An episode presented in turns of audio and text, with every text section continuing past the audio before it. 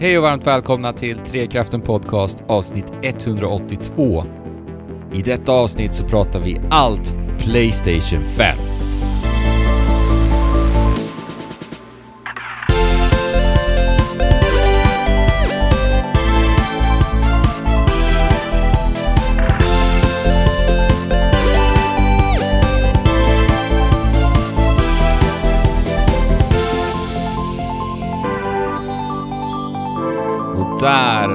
Där så hoppar Trekraften in i framtidens dimension.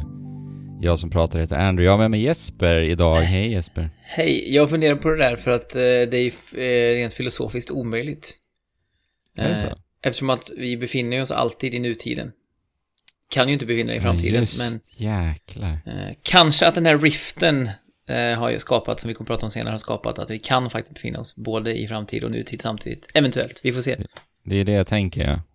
Alltså, jag tänker ju att vi genom att titta på den här eh, revealen av eh, The Future of Gaming så är det åtminstone ett fönster i framtiden som vi har tittat Mm. in The window of the future of gaming. Jajamän. Där är vi nu. Ja, Playstation 5 har visats upp och jag tänker så här, det är ju det vi vill prata om. Så varför inte bara kasta oss in? Låt det, oss. det var väldigt, väldigt roligt att äntligen få se Playstation 5 alltså. Ja, äntligen får framförallt Ja. se GTA 5. Det är ju skönt att kunna Ja. få avtäcka.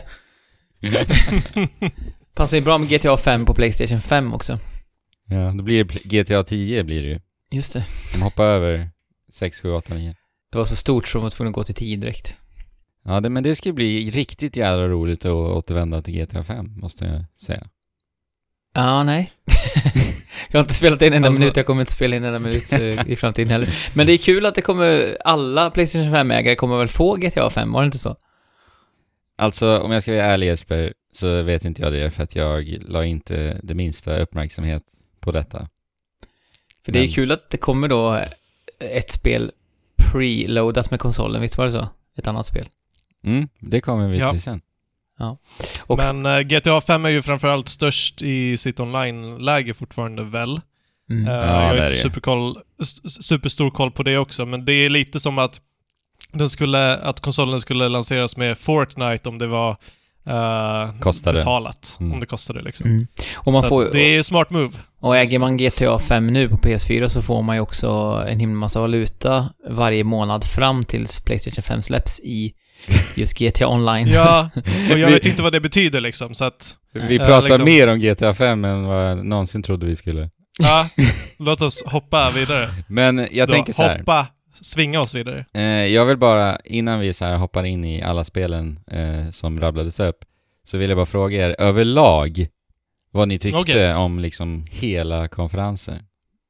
Och vi kan väl börja med Jesper, vad tyckte du? Jag blev lite eh, knockad tyckte jag. Jag var inte riktigt beredd på att det skulle vara så eh, tät densitet på det hela. Eh, vi fick se konsolen, vilket många hade sagt så här, ah, jag vet inte om vi ens kommer få se den liksom. Eh, Nej, precis. Hur den ser ut och så.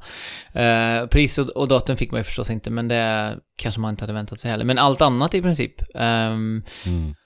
och är det någonting som har pratats om orimligt mycket så är det hur konsolen ser ut jämfört med alla spel som, som eh, faktiskt visades upp, både kända och okända spel. Eh, och eh, nej, men generellt sett så, eh, så blev jag väldigt imponerad. Det kändes väldigt maffigt. Det här kändes Next Gen på riktigt för första gången nästan, tycker jag.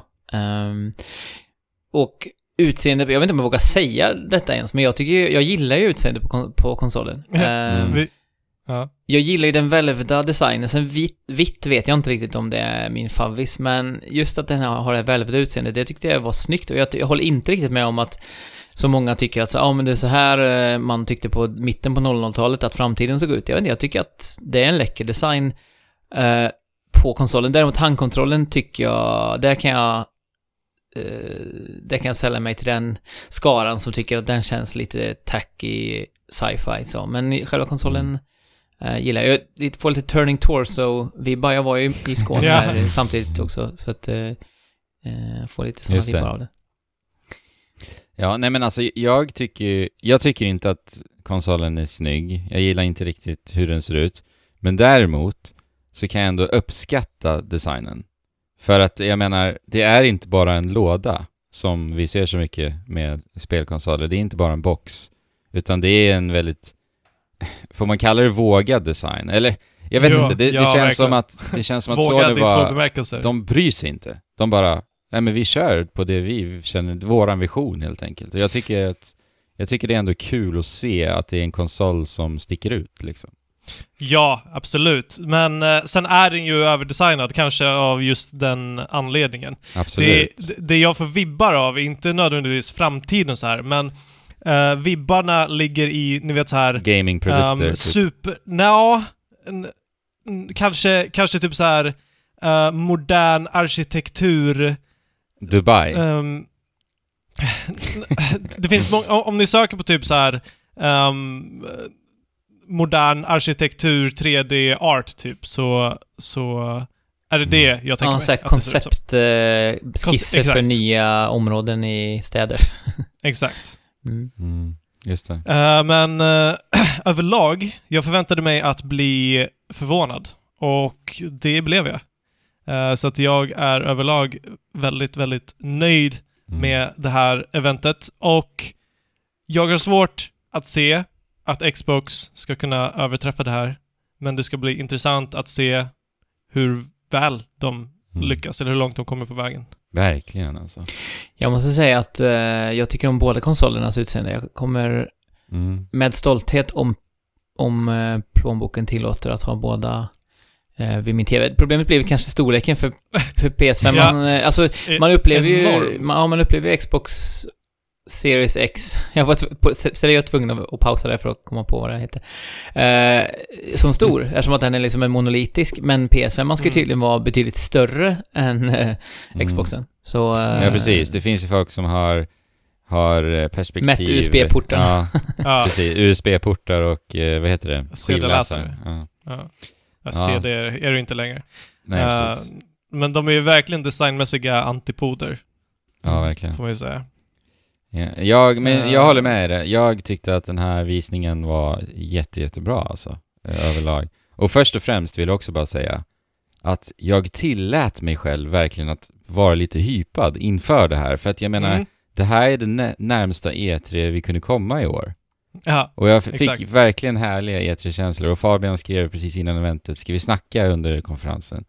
Och det var ju jättemysigt att få, få reagera på det här tillsammans också. Ja, Eh, verkligen. Och det var verkligen, ja, ett sådant minne, eller så här, känslorna man fick tillbaka från de här gångerna vi har suttit tillsammans Fabian och tittat på E3. Ja. Så det var väldigt härligt. verkligen. Och det kan man väl säga också att det verkar ju vara en hyfsat vanlig åsikt i alla fall. Det kanske inte är den allmänna åsikten, men att eh, många eh, uttrycker att de var besvikna på spelutbudet och jag, jag kan verkligen inte, alltså, Jag, jag kan inte sätta mig det- in i det mindsetet överhuvudtaget, hur man kan Nej. tycka så. Alltså det får man ju tycka såklart, om man känner så. Men Nej. jag själv Alltså- personligen kan inte förstå det, för jag tyckte det var liksom Mm. bara en kavalkad av allt ja men var intressant. också. Ja men, ja, men det... Alltså, är det någonting som, som det här eventet visade så är det ju, ja, så exakt, bredden på spel. Mm. Och, eh, och många spel också, Ja. Som kommer. Vi kommer ju komma Liksom. in på det, men jag menar, jag kanske ska bara rabbla några alltså, titlar som vi fick se för första gången. Eh, det är liksom uppföljningen till Horizon, det är nya Resident Evil, det är ett helt nytt Ratchet Clank, det är ett helt nytt Gran Turismo och det är ett nytt Spider-Man. Jag menar, vad hade man väntat? Ja. Vilka hur förväntningar hade man om man tyckte Ja. att det var lite plus Alltså- en massa andra spel som vi kommer komma in på sen som också verkar Jag tycker så här, gnäller du över spelutbudet här, då är du bortskämd alltså. Faktiskt. Ja, men jag vet inte vad man jämför med när man är besviken på det här utbudet. Å andra sidan så, så har jag ju sett typ YouTubers som, eh, eh, som hånar PS4ans utbud av spel och hyllar Xbox 360, eller Xbox Ones utbud av spel. Mm. Eh, vilket då troligen bottnar sig i någon typ av fanboyism. Eh, men Mm. nej, det går... Jag, jag Ja, vet men, inte. sen om, Alltså- man, om man bara tittar på produktionen också, eh, över, för att vara en visning i sig, så var den ju, alltså tempot var ju otroligt, det var kaxigt producerat kände jag också lite. Mm. Bara det här, deras heliga symboler de eh, envisades som att visa mellan varven. Det var och för sig Ja, en men- liten trevlig andningspaus och kunna reflektera över vad man har sett och sådär. Men det är ju Eh. verkligen eh, larger than life. Det var ju det som var grejen med det här. Jag sa att det känns verkligen som nästa generation. Att Ja, den, den här, som du sa, den religiösa symboliken nästan med deras fyra stycken olika tecken. Det är ju verkligen super pretentiöst. Men, verkligen. Ja. men det ger ju verkligen en känsla av att så här, det är någonting viktigt som händer. Verkligen. Och eh, jag tänkte också på, Fabian, du reagerade ju på, eller du nämnde att du tyckte att eh, presentatörerna såg ut att vara förrenderade. Ja, eller eh, d- 3D-animerade. Ja, exakt. Redan animerade, precis. Eh, jag tänker så här, det måste väl ändå vara på grund av pandemin vi befinner oss i. Alltså det postproduktion. Nej men postproduktion. För jag menar, Ja. folk filmar ju sig själva i sina egna hem. Ja, De har väl Ja, troligen eh, sam, eller likadan Sony-kamera som de filmar med, men sen kanske ljussättning och liknande var olika beroende på platserna de befann sig på, så kanske är lite så här- ja, uppenbarligen. För de har ju hävdat bestämt att det inte var um, 3D-animerat, Nej, utan exakt. att det var riktiga personer. Även fast det hade varit ännu kaxigare att, att 3D-animera de här och låta det köras på PS5. I Uh, Dreams. för att, som Just att, det. ja, Dreams måste ju Det- komma till PS5 för övrigt. ja. Men alltså, det kanske inte är redo för den, generation, den generationen. Om nu Mm. vi får en annan, nästa generation, så är ju det ett genius move Mm. att göra. Alltså, på tal om presentationen, Jim Ryan är inte bra alltså. Nej, jag tycker inte han funkar i den här kontexten riktigt. Eh, Jag Det fanns med. många som var bättre, till exempel och Herman Hulst som han heter. Han, eh, Han är ju, jag tycker om Eh, honom alltså. Ja, han har ju ett väldigt bra utstrålning och karisma och om jag, kollar man liksom Jim Ryan jämför med typ eh, Alltså det är kanske är otacksamt att jämföra med Reggie, men, men den typen av karaktärer som verkligen Ja. äger kameran. Han, han känns väl Mm. lite stressad nästan, Jim Ryan. Lite sådär, inte riktigt Mm. bekväm i, i den rollen. Eh, han, han ger Kanske inget, är så. Ja, inget sympatiskt eller karismatiskt intryck direkt, tycker jag. Nej, han- Eh, Koizumi är också en sån där härlig person som man bara gillar. Eh, hans leende Men- som ja. aldrig försvinner. ja, nu pratar vi Nintendo, det ska vi inte göra, utan vi pratar Nej. om Playstation. Nej men eh, som sagt, toppenvisning alltså. Mycket färg också, många intressanta titlar som sagt. Sen gillar jag också, Ja, underbart! jag gillar ju att, att Sony också ger indieutvecklare rampljuset under en sån här visning. Alltså det här är ju Mm. liksom, ja vad de kallar det, the future of gaming och det är bara fint att se det liksom. Att de får ta samma forum som Horizon 2 och Spider-Man, Miles Morales. Ja, det är Ja. otroligt alltså. Och Ja, Och- istället för att bara, bara flushas förbi i en, en, en flod av Ja. små De brukar vara ett sånt segment som sagt, där de bara sa okej, vi har Ja. ett gäng indies också, men här var det verkligen montage liksom. precis. Det var, baslika. Och jag gillar ju blandningen, vad det gör med mig personligen så här, för jag blir lite mer kapabel också att så här, suga åt mig allt, så att säga, när jag får liksom både AAA, högproduktion och det här indie. För det blir liksom, man är så Mm. inne i entusiasmen av vad man ser hela tiden, så då så här, tar jag till mig lättare på något vis. Som sagt, E3-känslor där. Ja, men det var ju också bra urval av Ja, indiespel. ja, herregud alltså, det är otroligt bra. Men, men, Ja, ska vi svinga oss? ja, det, In. för, det första som visades då, vi kallar det det första, för GTA 5 är, ja, vad det nu är. det är vad det nu är. Ehm, Spider-Man Miles Morales. Mm. Ja! Sp- Spiderman med mera, kan man också kalla det. Ja, just det. Om det blir MM. Eh, de, de gjorde ju en layup för detta i, original, i första spelet eh, ju. Eh, där Mm. Miles Ja. var med en del. Och... Eh, ehm, det har ju varit lite förvirring kring vad det här är för någonting, om det skulle vara en del av DLC som eh, putsas upp till PS5 eller så. Men det är ju en helt ny del, fristående. Eh, och, Det är ett nytt spel. Ja, mindre i omfång visserligen än Spiderman, vilket ganska många har gillat och liksom gjort tummen upp för. Och det gör väl Inklusive jag. Ja. Ja, Mm. korta spel är aldrig fel liksom. Och korta, fokuserade, Precis. hyperpolerade upplevelser, det, är- det låter ju som en dröm. Ja, det är som din Uncharted... Uh, vad hette det? The Lost lilla Legacy. spelet. Ja. Lost Det är väl Legacy den som- bästa jämförelsen man kan dra här. Eh, och så här, Uncharted The Lost Legacy tycker jag är det absolut lättaste Uncharted-spelet att rekommendera. Jag vet inte om jag nödvändigtvis... Jag skulle väl kanske säga att det är klart ett av de bättre Uncharted-spelen. Men det är så här, du får verkligen ett, en kompakt Uncharted-upplevelse på ungefär åtta timmar. Mm. Eh, kanske det är mindre än så, sju, sju, åtta någonstans.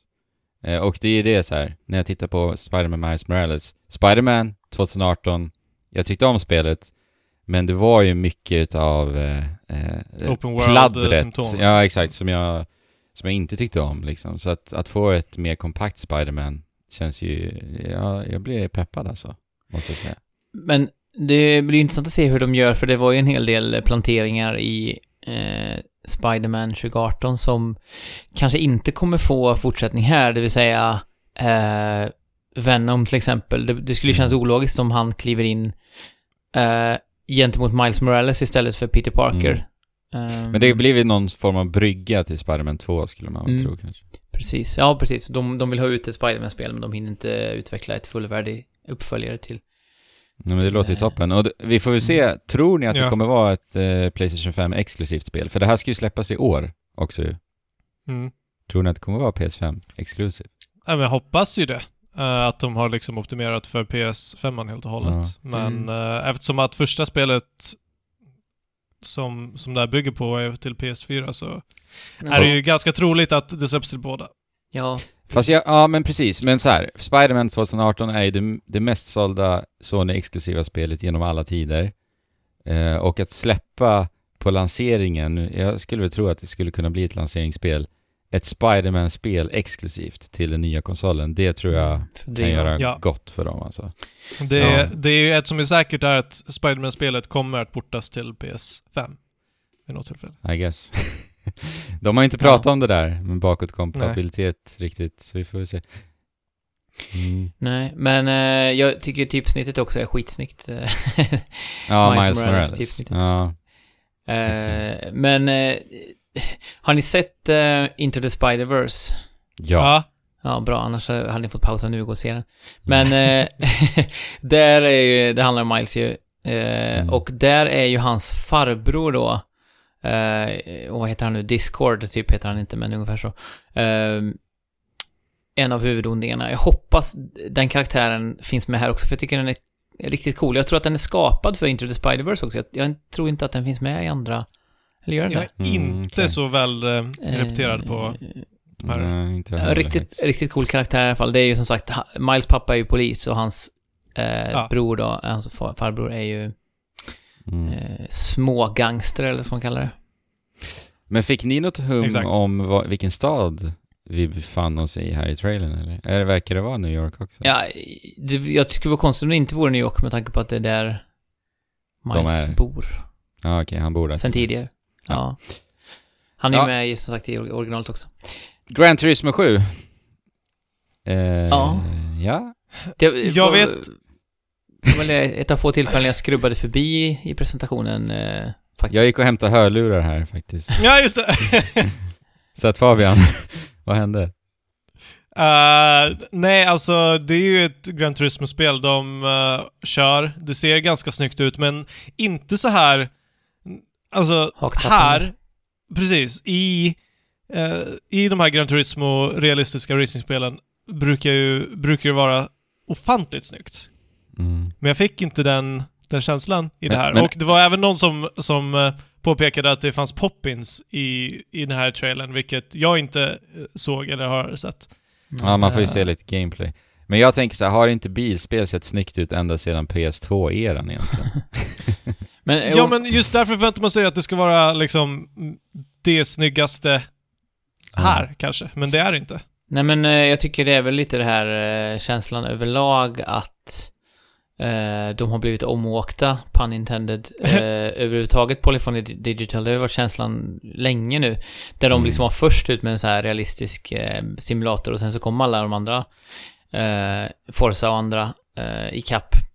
Och det känns Ja. väl fortfarande så, det som du säger nu Fabian, att så, ja det ser snyggt ut men vi har också andra bilspel på den här generationen som man känner wow, det här är snyggt. Så jag vet inte. Mm. Eh, det är väl någon, mer någon, någon slags nostalgi i mig själv som säger att det skulle vara kul att testa ett Gran Turismo igen. För de har ju fokuserat mer på kampanjläget den här gången också, som ju uh, Gran Turismo 3 var det väl jag spelade som mest tror jag, som Mm. hade ett robust sånt läge som var väldigt kul. Aceback va? Eh, Ja, det kanske det. Ja, precis. Mm. Eller om det var, undrar om det var tvåan jag spelade mest. Ja. Men det, Mm. man ser också Kazunori Yamauchi som är eh, huvudperson bakom spelet eh, på Polyphony. Han- har den här härliga japanska, väldigt, väldigt undergivna tonen av att han står och tittar ner och bara säger "Ja, jag hoppas att ni kommer tycka om det här. Man känner, man känner nästan att han liksom... eh, ja, man skulle vilja för hans, den här snälla farbrorns skull, eh, som han ser ut som, att det skulle bli en succé. Ja. Eh, men också lite samma känsla att så här, ja, de kanske är några år efter, liksom. Mm. Eh, jag vet inte om de, men det lär ju tiden utvisa. Men det var, jag tyckte bara det var coolt att få, det var ju å- återigen, det kanske gav mer tyngd till presentationen. Än vad Ja, det gav eh, Ja, men- pirr i magen för en själv. Liksom. Ja, men det, Visst. det här tilltar ju förstås många. Gran Turismo är ju Ja. en, är en stor spelserie. Mm. Eh, Ratchet and Clank, Rift Där! Apart. Där har vi någonting som pirrade till i magen. Ja, Däremot. det här Ja. för mig var nog den absolut största höjdpunkten. En av dem, definitivt. Definitivt. Och eh, här får vi också se mycket av eh, det tekniska, vad Precis. PS5 är kapabel till med SSD-hårddisken. Den ultrasnabba SSD-hårddisken. Ja. Är som att de hade designat det här spelet för att eh, visa upp... Eh, Ja. Ja men det är ju lite så, och jag, jag tycker ju ändå om det. Alltså för att det, vad de har kommit upp med känns jäkligt spännande. För det är ju då alltså, Ja. eh, dimensioner har kollapsat samman i Ratchet Clank Rift Apart. Mm. Och då alltså verkar det som att vi slungas mellan dimensioner till höger och vänster. Och jag tycker Ja. det här låter så jäkla spännande spelmekaniskt alltså. Ja, Eh, verkligen. Och jag tänker lite på, jag vet inte om ni minns det eller om ni har någon koll på det, men det finns ju en väldigt välkänd eh, kapitel, ett välkänt kapitel i Titanfall 2 där man eh, hoppar, skiftar mellan tidsrum. mm. Du har ju berättat Ja, jag har om berättat om det, Det låter precis. ascoolt. Och jag, den, den så här, tanken fick jag lite med, med dimensionshoppet i det här spelet. Att Mm. tänk er så här plattformsutmaningar där man liksom hoppar mellan dimensioner för att skapa massa Ja. knasigt, kreativt, roligt. Och, ja, och alltså, jag menar, oj. det är Insomniac vi pratar om. Vi vet att de Exakt. är kreativa och kan göra sånt kul. Så att jag tycker det känns jävligt kul att de fokuserar en hel titel kring bara detta. Och de har ju självklart liksom itererat många varv med detta. Så det, ja, jag Ja. tycker det känns jäkligt spännande. Men redan Ja. i, i Ratchet Clank Remaster, när man ska remaken, eh, Mm. var det ju ett otroligt sprudlande eh, Ja. spel, omgivningarna, men, Ja. men tittar man på det här spelet så, jag tyckte det var, jag blev typ, jag tappade typ andan av, av hur, hur högt tempo det var och hur Mm. varierat det var och hur, alltså varenda liten detalj var liksom sönder eh, strösslad med, eh, med detaljer, alltså varenda detalj Ja. var sönderströsslad med detaljer. Men alltså det var så Ja. Oerhört snyggt, alla, alla partikeleffekter, alla ja. Eh, hur karaktärerna är designade, hur animationerna är på varenda liten eh, yta på skärmen. Alltså jag tyckte blev helt utmattad av alla intryck på det här Ja, men man fattar minuten. inte vad som händer. Och, och fantasi, det är så fantasifullt också. Planeterna Ja. vi befinner oss på. Det är bara, ah, Och, och NPCer, massa konstiga eh, aliens ser jag Ja. fram emot att, att Nej. träffa och se.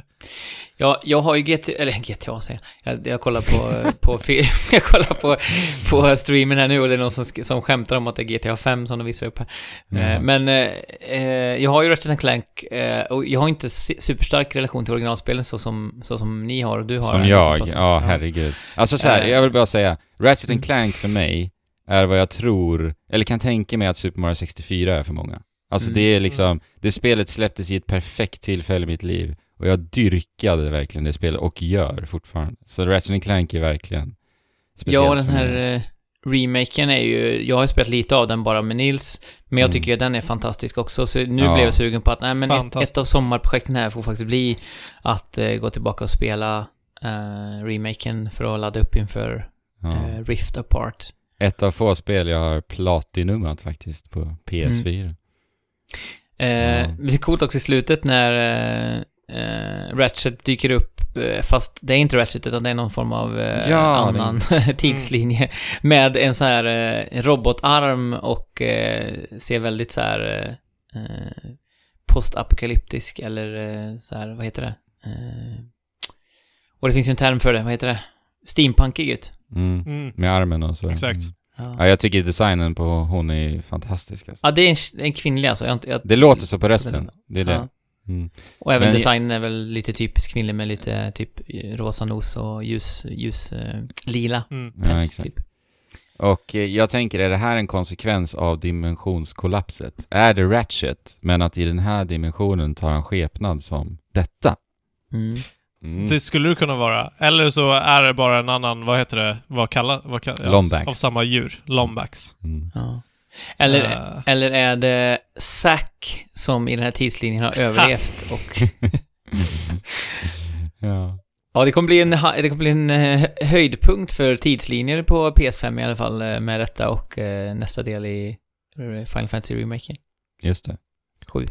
Tänk bossstrider också med rift, Mm. Alltså, ja. rift-mekaniken. Åh, ja. Då, spektaklet. det, det finns ju så mycket... Jag har inte tänkt på riktigt att det finns så... Att det öppnar så många spelmekaniska dörrar att ha så snabba inladdningar. Det, det gör jag verkligen. Men det gör det ju faktiskt. Ja. Alltså, helt... Det är ju det är ju en helt ny värld som verkligen. öppnas. Ja, Jag är så peppad på det här alltså. Mm. Ja. Spännande att se Helt nu. otroligt. Ja, vi vet ju som sagt ingenting om just släppet Playstation 5. Eh, de sa ingenting här eh, vad gäller när det ska släppas, men Nej. vi får, får vi se. Eh, Project Athia, på tal om Final Fantasy. Mm. Man trodde nästan att det var det först, när Ja, man såg, man såg trailern. Ja. Men det är ju synd att vi inte kommer få spela det här spelet på minst tio år. Bara trodde det är Unreal 5-spelet. alltså det vi såg Unreal 5-motorn eh, avtäckas. Eh, ja, det, det, det påminner ju om det en del. ja Eh, med i plattformandet. Ja. Mm. Eh, men är det det du menar Fabian, eller vad, eller vad menar du? Va? Jag menar att eh, S- Square Enix har väldigt väldigt svårt att släppa spel snabbt. Verkar som. Och, och just att det heter Project. När spel heter Project, eller när de Ja, utannonseras som Project, då blir man genast skeptisk vad gäller släpp, släpptid alltså. Precis. ja, det är ju bara på konceptstadie och jag fattar inte vad... Alltså det ser... Det, världen ser ju helt fantastisk ut, Mm. eh, som de Mm. presenterar. Men eh, vi, vi får ju inte mycket att processera ens. Ja, men just Eh, den här En slutbilden. eldhund och... Och att man hoppar på... På eh, Klippor. bergsklippor. Mm. jag Ja, men-. Just den här slutbilden med dimman och den här märkliga eh, klippformationen eh, är ju extremt, eh, vad säger man, evoking. Alltså den är ju väldigt så, eh, den triggar ju fantasin något enormt tycker jag. Mm. Eh, Och den där märkliga typ trädmonstret med ögat Mm. eller som dyker upp någonstans. Ja. Men, det här är inte den första gången, liksom, de senaste åren som vi får, får en sån vy. Det är ju väldigt, väl, alltså, det är ganska lätt att göra en sån här vy, mm, jo, menar jag. Men- Eh, men sagt- sen vad de gör av det. känslan i den. eh, Och jag tycker också just att det är, eh, det är mycket mm, eh, en viss typ av skog eh, Mm. i trailern och den ger mig också väldigt härliga sagovibbar så att Mm. Eh, ja, nej men som sagt, jag är ju eh, väldigt mån om att ge efter för sånt här. sån här hype. eh, och nu har ju nu har ju ändå Square visat Fabian att de är mästare igen med Final Fantasy 7 Remake, så det är lugnt. Det här kommer bli kanon. Alltså, Och designed exclusively for Playstation 5. Mm. ja. Mm. Vi får se. Det... ehm, Jo men, ja, det är alldeles för tidigt för mig att bli taggad. Speciellt eftersom att det är Square Enix. Mm. Men, Men- eh, jag håller med om vad du säger. Men Fabian, blir du taggad på att spela som en katt då? Ja, desto mer. How can you not? Ja. Stray, som visades härnäst. Mm. Och det är Annapurna som släpper också, då vet Då man nästan att det vet kommer man, vara Mm. Eh, fokus på eh, bra karaktärer och berättande och Men annat. varför Annapurna? Eh, De är ju... Vilka har, var de släppt tidigare? Outer Wilds bland annat. Ja, de, Som de, jag inte har spelat. De gick ju från att vara en utvecklare till att vara utvecklare och ehm, Utgivare. eh, Publishers. utgivare, precis. Eh, och de har ju de har släppt väldigt mycket, Gone Home är väl också de, eller? Alltså det är många av den typen Mm. av spel som... Exakt. ehm, så, och det, den här trailern då, med eh, en katt eh, som man verkar spela i en eh, postapokalyptisk, eh, futuristisk stad, där Mm. robotar verkar ha tagit över eh, mänsklighetens roll. Och Ehm, robotar har CRT-skärmar som huvuden. Ja. Ja. Det ser- Ja, det ser helt otroligt ut. Alltså, Jag- Alltså det ser så snyggt ut. ja. Och spela, jag hoppas, är det, är det bekräftat att man spelar just som en katt? Förresten, men det måste det ju vara. Det Jag antar det, Det eftersom det att. Ja. de följer katten hela tiden och det heter Stray och eh, Ja, det jamar i slutet och... Ja, Ja, och och logon är en katt, så ja. Ja. det är en Ja, katthuvud, ja. Så att, Och katten ser ju också fantastisk ut. Ja, så gulliga. Ja. Men Annapurna, bara så här. titta hur galet det här är. Ashen, Donut County, Florence, uh, What Remains of Edith Finch, Kentucky Route Zero, alltså... ja. Ja. Men som sagt, st- narrativt eh, drivna spel med grym design är väl deras liksom, eh, Mm. deras grej. Och det här spelet, eh, jag menar bara loggan tycker jag är fantastisk och väcker också det här som jag pratade om med Tina, eller Atia menar jag, väcker ju otroligt mycket Fantasi. ja. eh, fantasi och, och Ja. pepp. Och härnäst har vi alltså Returnal från Housemark. I- Världens första third person shmup. Ja, det, eller hur? Housemark är ju alltså utvecklaren utav Super Stardust, utöver Exakt. Resogun, Alienation, Nex Machina. Det här är ju en utvecklare som... Man får väl ändå säga att de har bemästrat Twin Stick Shooters. Ja. Och Bullet Hell. Ja. Nu ska, Ja. nu ska ni få höra något sjukt. Jag har aldrig spelat, alltså jo, någon minut, men jag har aldrig spelat ordentligt ett spel från House Marquee eller Mark, eller hur man uttalar det. Eh, och jag tycker att alla spel ser helt fantastiska ut. Det är helt Ja. sjukt Jesper. Ja, Alltså, jag fattar inte vad jag håller på med. sjukt. Det är ju en av mina favoritgenrer dessutom, den här typen av eh, laserosande eh, 2D-shmup. Ja, men då får du bakläxa. Resogun var ju det bästa Playstation 4-släpptiteln av alla. Ja. Och Och det- om, jag, om jag ska rekommendera ett Housemark-spel, då är det nog Super Stardust HD faktiskt. Ja. Det är så bra alltså. Så bra. Jag ska spela. Jag får Gör spela det. i sommar också. Men Mm. Eh, därför blir jag ju besviken nu att jag så här, nu och överlag så tycker jag det fanns, nu är ju inte alla deras spel 2D-spel, men jag är besviken över att det fanns så få 2D-spel vi fick se. Eh, för jag velat se liksom vad man kan göra med den maffiga kraften i 2D. Ja, just det. Eh, jag, jag är ju fortfarande, jag märker det när jag sitter typ så här och ska, ja men nu vill jag ha ett nytt spel när det inte finns något givet. Så börjar jag surfa in på butiken och så är jag alltid så här, men de här verkar nice. Och så bara, vänta vad är gemensamma nämnaren? Ja, det är bara 2D-spel jag kollar på hela tiden. Eh, men ja, men eh, så att eh, jag är lite besviken på att det, att detta inte är ett sånt 2D-spel. Men Mm. det såg ju intressant ut ändå. Ja, och nu får vi också reda på att Housemark är en del utav Playstation Studios. För att ni vet ju Playstation Studios är ju den här, det här märket som de nu har där de samlar alla deras Sony-ägda studios. Mm. Så Ja. Housemark är en del av dem. De har väl egentligen varit det, men viss, en del av deras spel har varit... Ja, men en del har varit multiplattform faktiskt. Men detta Men- var ju ett av flera time loop-spel vad det verkar. Mm, precis. Man kraschlandar på en planet och sen så händer det märkligheter och sen när den eh, medelålders kvinnliga protagonisten, vilket var ganska häftigt att se, dör Mm. så eh, spelar vi om, kraschlandar igen och sen så verkar det vara en loop där. Ja. Det här är ju kanske det spelet som jag blev mest förvånad och imponerad över under Mm. hela presentationen. Ja. Eh, Elaborera. för att det, är, det, det presenterar någonting helt nytt som vi inte har sett förut.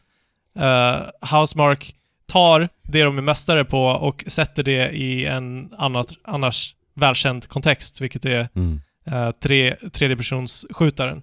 Och så verkar de inte bara göra... och så verkar de inte bara göra eh, samma... Alltså att, att det är gameplay som bara står i fokus, utan, utan de väver en historia runt omkring det, Mm. som verkar vara gedigen. Precis. Det handlar om Jag- att hon ska stoppa loopen innan, innan hennes mentala hälsa stoppar henne. Och designen är fantastisk. Ja. Ja, den är också lite det vi har sagt många Mardrömsk. gånger nu, men sätter sprätt på fantasin lite. Mm. Det, det, Ja. Jag får lite control-vibbar faktiskt. Men det är ju en finsk studio också ju, Housemark. Mm. Ja. Jag eh, fick ju väldigt eh, eh, starka Gwendolyn Christie-vibbar, det vill säga Brienne of Tarth. Men jag tror inte att det är det Ja, faktiskt. just det. Eh, när man kollar upp det i efterhand. Men det, hon ser ut som, eh, som Gwendolyn Christie och hon låter som Gwendolyn Christie. Så att jag vet inte om det är bekräftat, men... Eh, Nej men det har du nog rätt i, nu när jag tittar på det, faktiskt. det är ju Phasma då, alltså eh, från eh, Star Wars. Star Wars. Som inte- som- För er som Mm. inte har koll på Game of Thrones eventuellt. Mm. Men ja, det såg lite förskräckligt ut för mig. Det, det var ju också en sån här... vad heter de? Från Prey 2. Ja, just det, Mimic. Ja, just det. Det såg ut som en mimic. Mm.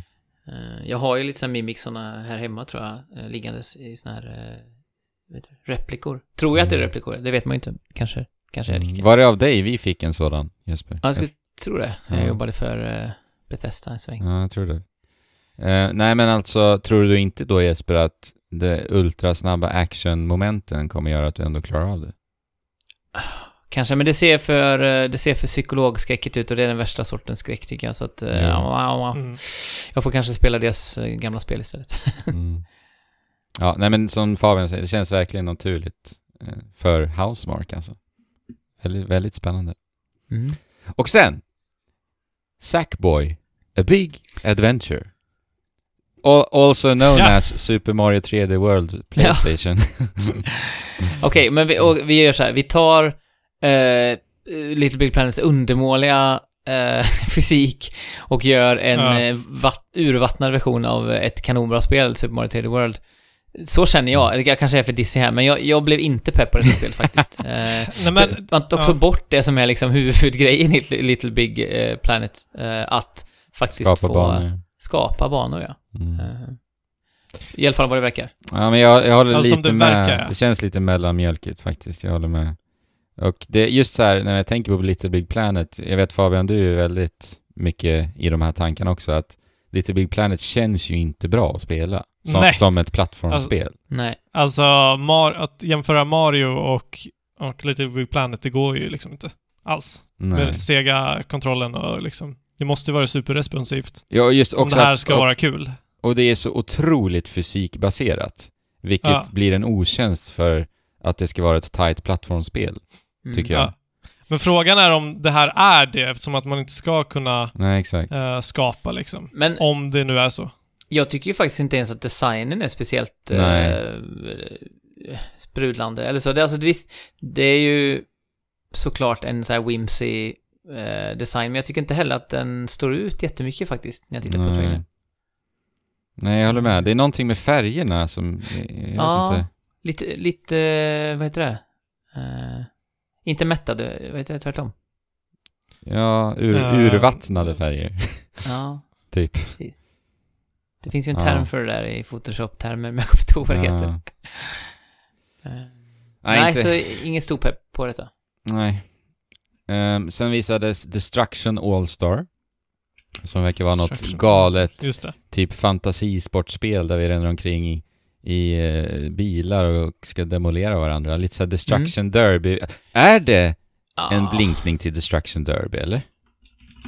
Ja, Eller? alltså, det kändes ju som det, alltså det var liksom den spirituella uppföljaren på Destruction Derby-serien, eller? Eftersom det heter liksom... Destruction All-Star. Ja, jag tycker Ja. det alltså.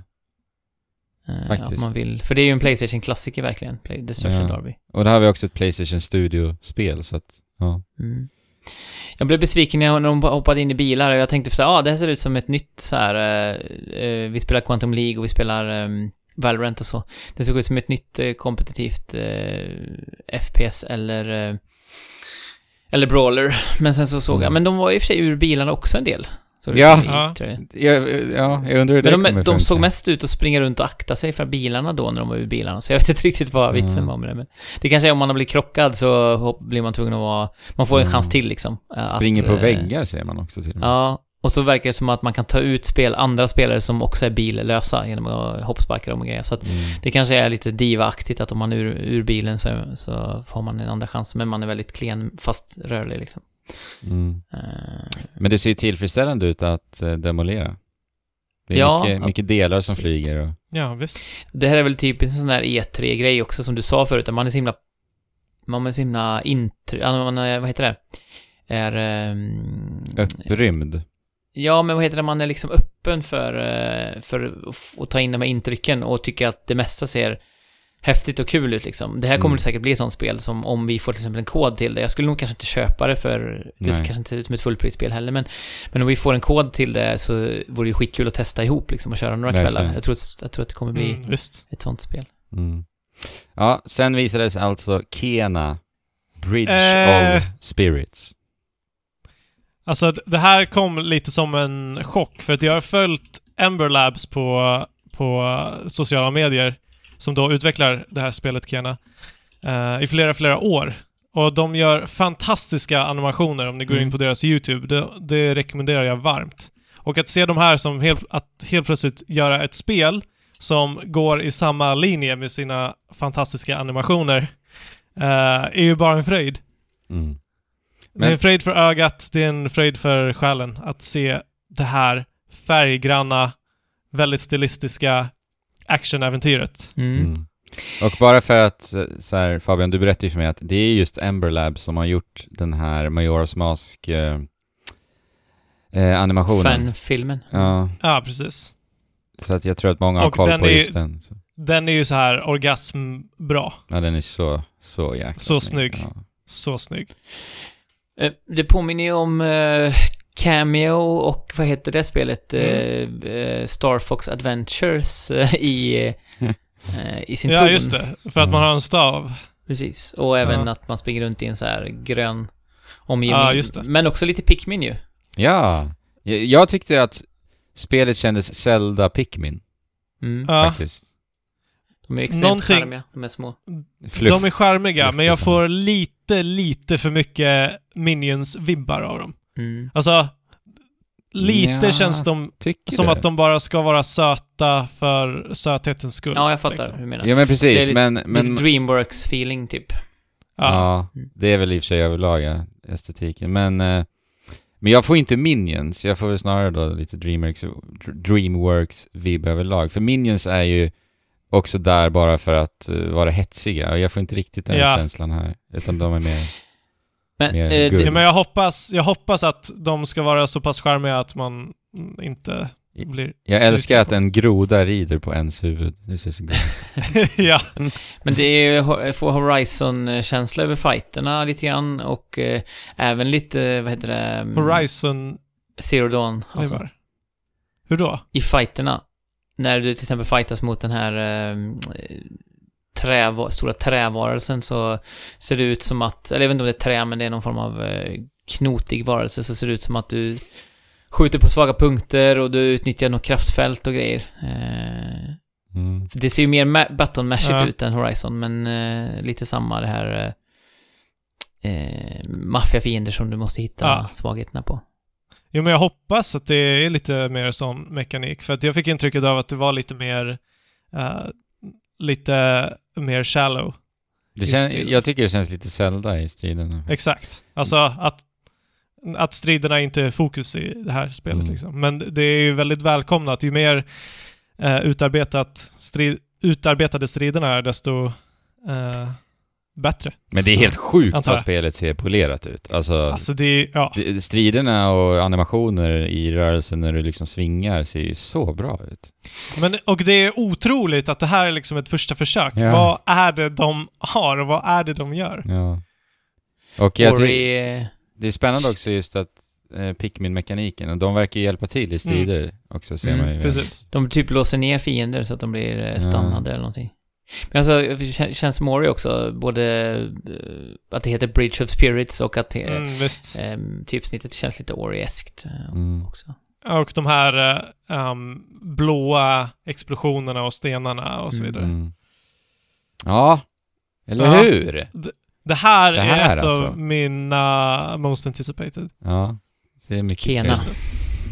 Kena. Kena. Sen visades Bridge. Goodbye Volcano High. Mm. Ja. Som verkar vara dinosauriespel. Dinosauriespel. Vi har ju pratat om att vi vill se dinosaurier mer i spel. Ja, känns kanske inte Ja. som det typiska dinosauriespelet i sig. Det är Nej. ett eh, typ eh, college eller high school-drama snarare då. Ehm, Mm. och verkar gå lite i fotspåren av till exempel ehm, eh, Night in the Woods eller Ja. ehm, Mm. andra eh, spel med ett narrativ i fokus. Det är ju också en Jag får, icke-binär person som är ehm, eh, huvudperson, vad det verkar. Ah, mm. Vilket bara en sån är sak. lite nice att, eh, med representation också. Mm. Men jag får lite, alltså mer grafisk novell vibbar av det här spelet. Ja. Men vi, vi, vi får ju inte se någon riktig gameplay, utan det är ju mer en trailer. ja. Jag tycker designen är obehaglig alltså. Jag tycker inte heller om designen, jag skulle säga det. Mm. Eh, De har ju liksom någon slags näbbar allihopa. Eh, Och generellt sett så är jag inte så förtjust i det här eh, lite skissartade som finns. Eh, Eller vad man ska säga, den är inte... Animationer och så är ju med flit lite eh, sparsmakade. Mm. Ja. Jag tycker inte riktigt om eh, det. Men samtidigt är det en indie-studio så att eh, man kanske inte ska vara för kritisk heller, utan det är väl storyn som är, blir, eh, blir det viktiga här. Ja. Eh, Ja. Och det är så, Alltså, nej, jag är inte intresserad av det här spelet, men jag tycker inte att det ser hemskt ut. Alls. Oddworld Soulstorm visades sen. på tal om obehagligt. Ja. Ja, det är, Eh. det är en hemsk värld alltså. Har ni, Och eh, det är det verkligen. har ni en eh, koppling till det här, den här spelserien sen tidigare? Ja. Ja. Fabian, berätta. Nej, alltså jag vet inte. Jag var ju jag var liten när det här fanns på PS1. Eller när det kom till PS1. Och, eh, jag hade bara kompisar som hade PS1 och det här spelet. Och det var det var så läskigt Mm. och konstigt och bara märkligt och Mm. Liksom en helt... Det är, det, är väl det bästa man kan säga. Konstigt och märkligt. Och läskigt även. Mm. Mm. Eh, sen när jag blev lite äldre så spelade jag spelade jag det och liksom kom någon vart och fattade att det faktiskt var ett pusselspel. typ. Mm. Just det. Vi fick se en liten snutt eh, gameplay här eh, och efterfrågade i 2D och det här ser ändå ut att vara någon slags pseudo 2D. ja, Eh, men det verkar, det verkar eh, spela som de första spelen. Men det ser Mm. lite halvigt ut när, när, det, när det rör sig till spelsekvenser tycker jag. Ja, alltså, speciellt det, i relation till de här... Ja, det är väl kanske förrenderat då. Det andra... Ja, Mm. jag antar det. Ja, Men det känns ju inte riktigt Next Nej. Gen. Riktigt. Nej. Ja, men nytt... Och så, så Lite känns det plottrigt ut Mm. när det är i rörelse. Ghostwire Tokyo eh, visades upp igen. På tal om Bethesda. Ja, det var E3 förra året va? Mm. Och Nej. det är ju Vad hon, fick vi se då? Vad heter hon, eh, charmiga? Ikumi, typ, tror jag va? Eller? Ja. Jag minns hon, faktiskt inte. eh, Hon har i alla fall hoppat av här ju som producent för detta. Mm. Hon har det? Ja. Okej. Så, eh, ja. Skräck, lätt skräck med rätt mycket action ser det ut att vara. Mm. Mm. Lite Naruto-magi. Ja, göra så handgestikuleringar för att Precis. utföra magi. Ja, alltså Ninjutsu. första intrycket av det här spelet eh, från E3 kändes ju så här 100% skräckigt. Så jag var lite förvånad av att se att det var så här snabb action helt plötsligt. Och Mm. i första person, jag hade inte förväntat mig det. Nej. Men, Nej, precis. Nej, det känns, ju- de, det känns ju som att det är en ny riktning för uh, studion lite grann med tanke på att de... eh, det är ju Mikami och gänget. Uh, Mm. Det känns ju som att de, ja men till exempel eh, Evil Within har ju varit mer fokus på kanske eh, långsammare strider och eh, Mm. långsammare tempo överlag. Nej men det ser ju snappigt ut liksom i, Ja. i Ja, responsen. verkligen. Ja, Eh, Lite Bioshock, Biotic-känslor. Mm. Jag är ju i det... Jag, är, jag har ju min me- mest hektiska dag på flera veckor här, så jag kommer ju snart att droppa ur podden när ni får fortsätta själva. Ja, ja. Mm. Men Eh, låt oss fortsätta då. Ja, alltså kan vi... Jag vet inte, vi, jag vill inte säga så mycket om Godfall, för jag tyckte att det såg jättetråkigt Ja. ut. Och den trailern var hemsk. Musiken från helvetet och... Eh, ja, Ja. Nej. Synd, för att eh, första så här bilderna man såg såklart var man svältfödd då, men det såg ändå så här, ja, ah, det ser lite coolt ut. Men nu fick jag verkligen eh, av, Avsmak, av men, för eh, spelet, ja. ja. Men Master Breathtaking Weapons, Jesper. Ja, alltså lyckas de få mig att tappa andan över ett av vapnen, då ska jag ge dem det. Men jag misstänker att jag alltså- kommer behålla min anda. Mm. Eh, Det ser eh, hemskt ut. Ja, jag vet Så inte att vi hoppar är. över det? Det är väl ganska, det är full design, det är väl det. Jag vet inte. Ja. Vi kan hoppa över det. Ja, vi, då, då är ju min, då är ju min, eh, min starka rekommendation att vi pratar lite om Horizon eh, Forbidden West innan jag droppar ut, för jag har inte så mycket att säga om, eh, om eh, de andra Mm. spelen som är kvar direkt. Eh, men jag har en del att säga om Horizon Zero... Ja. eh, nej, Forbidden West. Forbidden West. Och inte Horizon 2 Och- Forbidden West, utan det heter ja, eller? Nej, det, men, det är ju en tvåa i loggan. Jo, men om du eh, tittar på Playstations officiella announcement trailer så står, är Mm. titeln bara Horizon Forbidden West. Ja. Mm. Eh, och eh, jag tror väl att jag är den som tycker mest om Horizon Zero Dawn i det här sammanhanget, eller? Eh, jag tror det.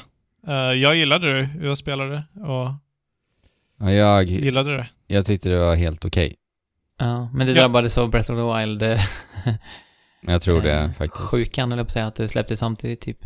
Jag spelade ju efter Breath of the Wild, ganska snabbt efter. Ja, precis. Jag spelade innan Breath of the Wild och då tyckte jag att det var, eh, jag tror den bästa Open World-spelet jag spelat. Ja. Som att det var mycket action-fokuserat. Mm. Eh, vilket Open World-spel inte var fram tills dess. Sen så kom ju Breath of the Wild och tog den platsen en vecka Mm. efter eller vad det var. Ja, men jag spelade ju det här spelet eh, flera månader efter Breath of the Wild för, för Ja. att skapa lite distans. Jag var ju medvetet strategisk.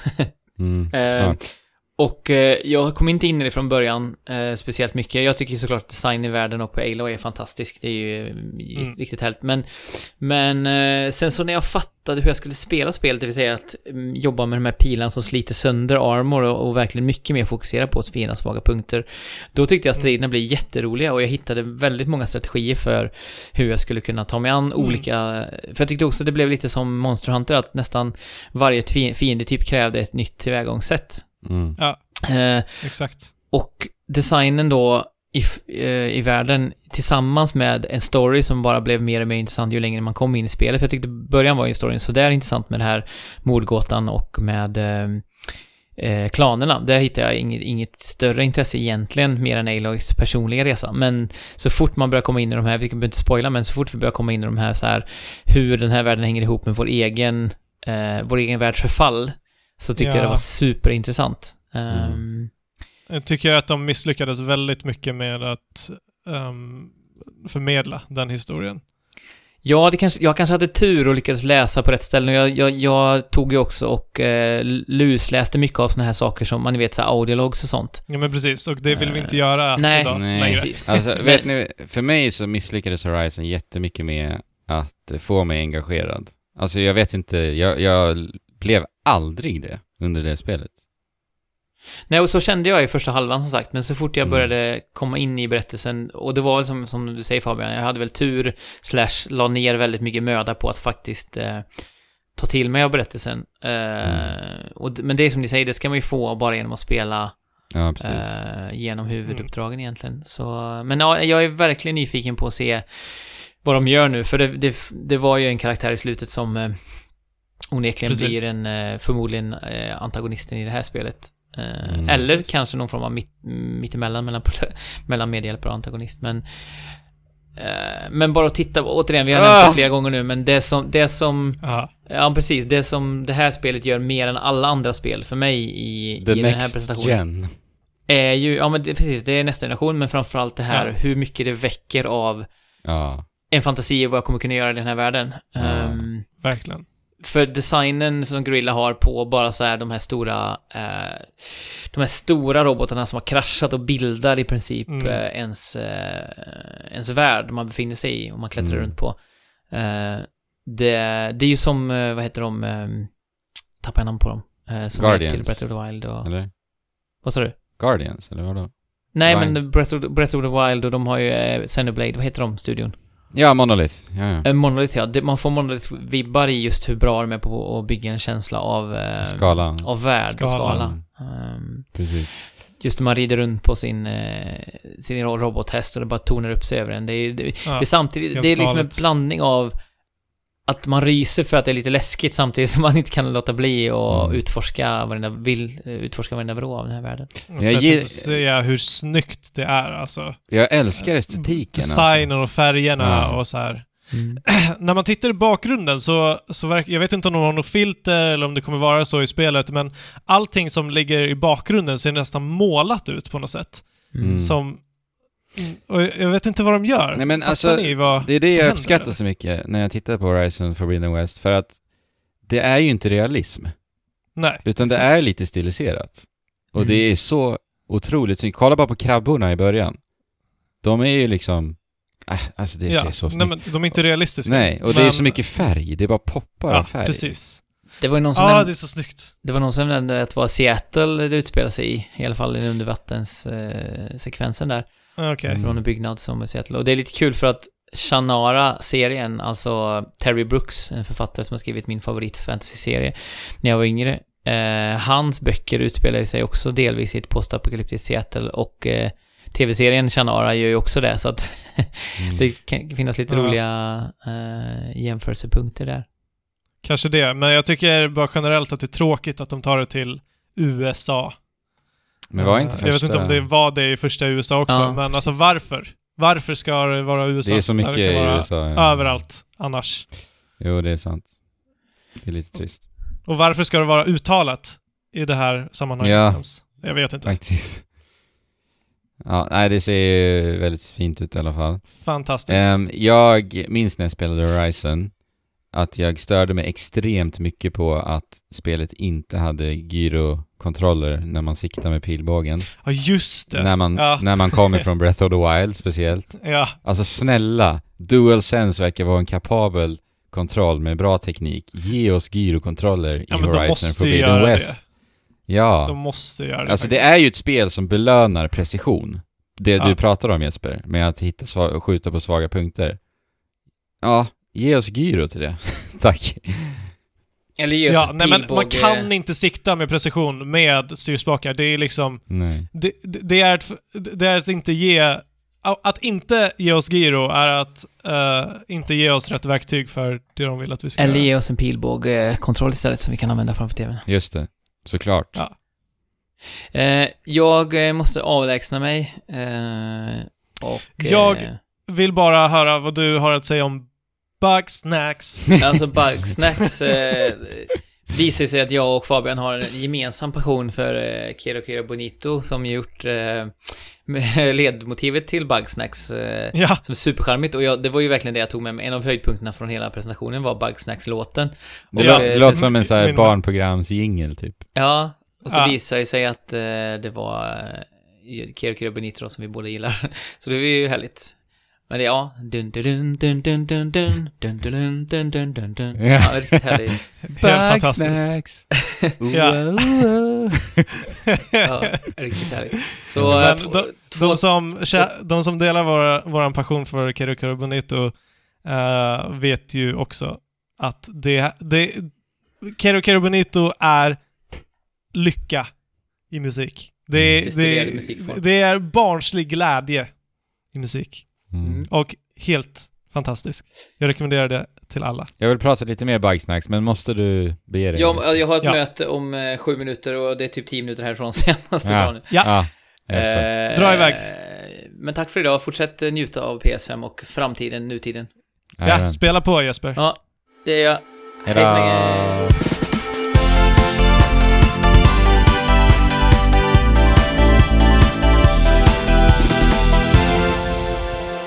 Um, Bugsnacks. Um, Nej men vänta. Eh, Horizon Forbidden West är... Jag, vet, inte, eh, kan vi, vi, jag vill bara, vi behöver inte landa Jaha. jättemycket i Bugsnacks tänker jag. Det enda jag, Nej. det enda jag vill säga är, det är ju utvecklaren utav Octodad Exakt. som utvecklar det här. Eh, s- så att det är, ju, det är ju bara ett plojigt spel liksom. Och det ser ju plojigt och roligt ut i... eh, i den Ja, vi egenskapen, verkar liksom. befinna oss i en värld där insekter är eh, snacks. också snacks. Bugsnacks. Och när, vet- när varelserna äter dessa insektssnacks så ehm, utvecklas det kroppsdelar som då är snackset. Ja, alltså, eh, fattar, fattar ingenting. Och så har vi någon typ av... eh, vad är det för djuren som presenterar det här med hatten? ja. Eh, typ någon Hund. valross Ja, som äter en jordgubbe och helt plötsligt så får han... Får, eh, får hon jordgubbs... Ha, Händer, jordgubbs ah, händer. och jag menar, vad, vad är tanken? Vad är tanken? Ska man vara de här djuren och bara äta. äta olika snacks för att bli Någonting. olika saker och ting. Eller, eller kontrollerar man eh, de här bugsnackserna? Kanske bägge. Multiplayer. Vem vet? Det ser ju härligt plojigt ut i alla fall. Ja, verkligen. Men eh, Horizon, vad vill vi säga mer där? Oj, Forbidden West är eh, typ den sämsta titeln. Ja, Någonsin. riktigt, riktigt jäkla oinspirerad och tråkig titel alltså. Ja, alltså, jag tyckte inte Zero, Horizon Zero Dawn var en bra titel, men det lät ändå ganska coolt. Mm. Jag tycker int- inte det här ens låter coolt. Jag tycker att det skär sig till och med. Ja, Alltså det ligger inte bra i munnen. nej, hem, Horizon hemskt Forbidden dåligt. West. Mm. Eh, jag tänker också på, vi ser ju att Aloy klättrar lite på berg i förbifarten i trailern. Ja, Är det en indikation på att vi kommer att ha bergsklättring?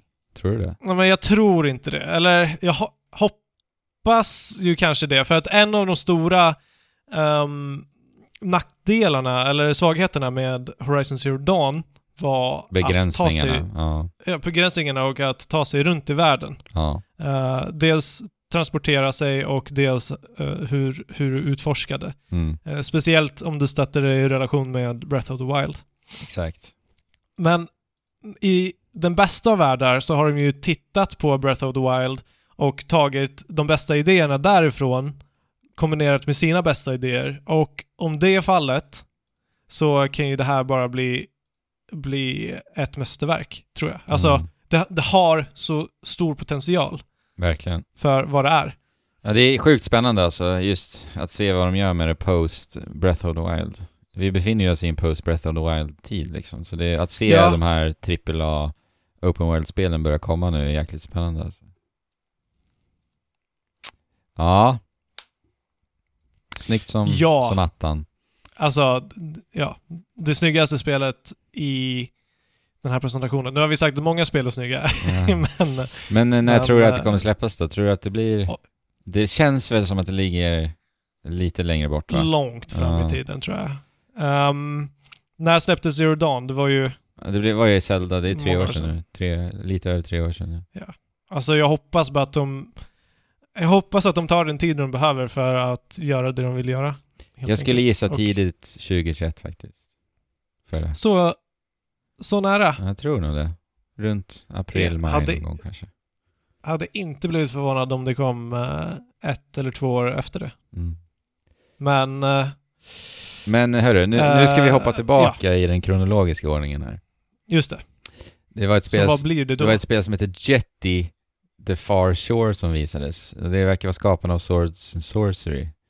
Ja, Ja, Ja, det här gav mig inte särskilt mycket. Jag förstod inte riktigt vad det var för spel. Nej, Ja. jag förstår inte alls uh, Nej. någonting av det här. Um, Sword and Sorcery, jag vet inte om det är ett spel som håller sig idag, men det var ett av de första liksom riktiga inom citationstecken spelen som jag spelade till eh, en smartphone. Mm. Just det. Uh, Sword Mm. and Sorcery, uh, Super Brothers. Och det var ju fantastiskt att spela ett inom citationstecken riktigt spel på eh, Mobilen. på mobilen. Som inte var liksom små minispel, Mm. liksom. Candy Crush eller vad det nu kan tänkas varit. Mm. Eh, utan någonting med progression och lite story och berättande och så vidare. Eh, och det det, var ju nice, och- men jag kommer inte ihåg så mycket av det förutom att det hade en väldigt intressant estetisk eh, inriktning. Och det här spelet, jag vet inte, alltså det verkar vara lite... Jag vet inte, alltså åker man runt på en planet eller utforskar man olika planeter? ja. Eh, byg, bygger du samhällen? Mm, Spelar Ja, du som alltså- den här missilen? Precis, spela som eh, en missil. Ja, Nej men vad är grejen? Är det en simulation? det verkar ju vara storytungt i alla fall. Verkar det? Jag, Jag inte. fick det intrycket i alla fall, men jag vet inte. Ah, ja. Eh, Ja, vi får se helt Solar, enkelt. Solar Ash, skaparna utav Hyperlight Drifters eh, nya spel. Ah, Väldigt, väldigt eh, Det- fint. det ser ju ut som Hyperlight Drifter bara det att de har tagit det till en eh, 3D. Ja. Jag har inte eh, spelat Hyperlight Drifter än. Jag har det på switchen. Och eh, jag ska spela det. Har du spelat Ja, men det? spelare. Jag har spelat det. eh, Du tyckte om det? för länge sedan. Jag tyckte om det. Mm.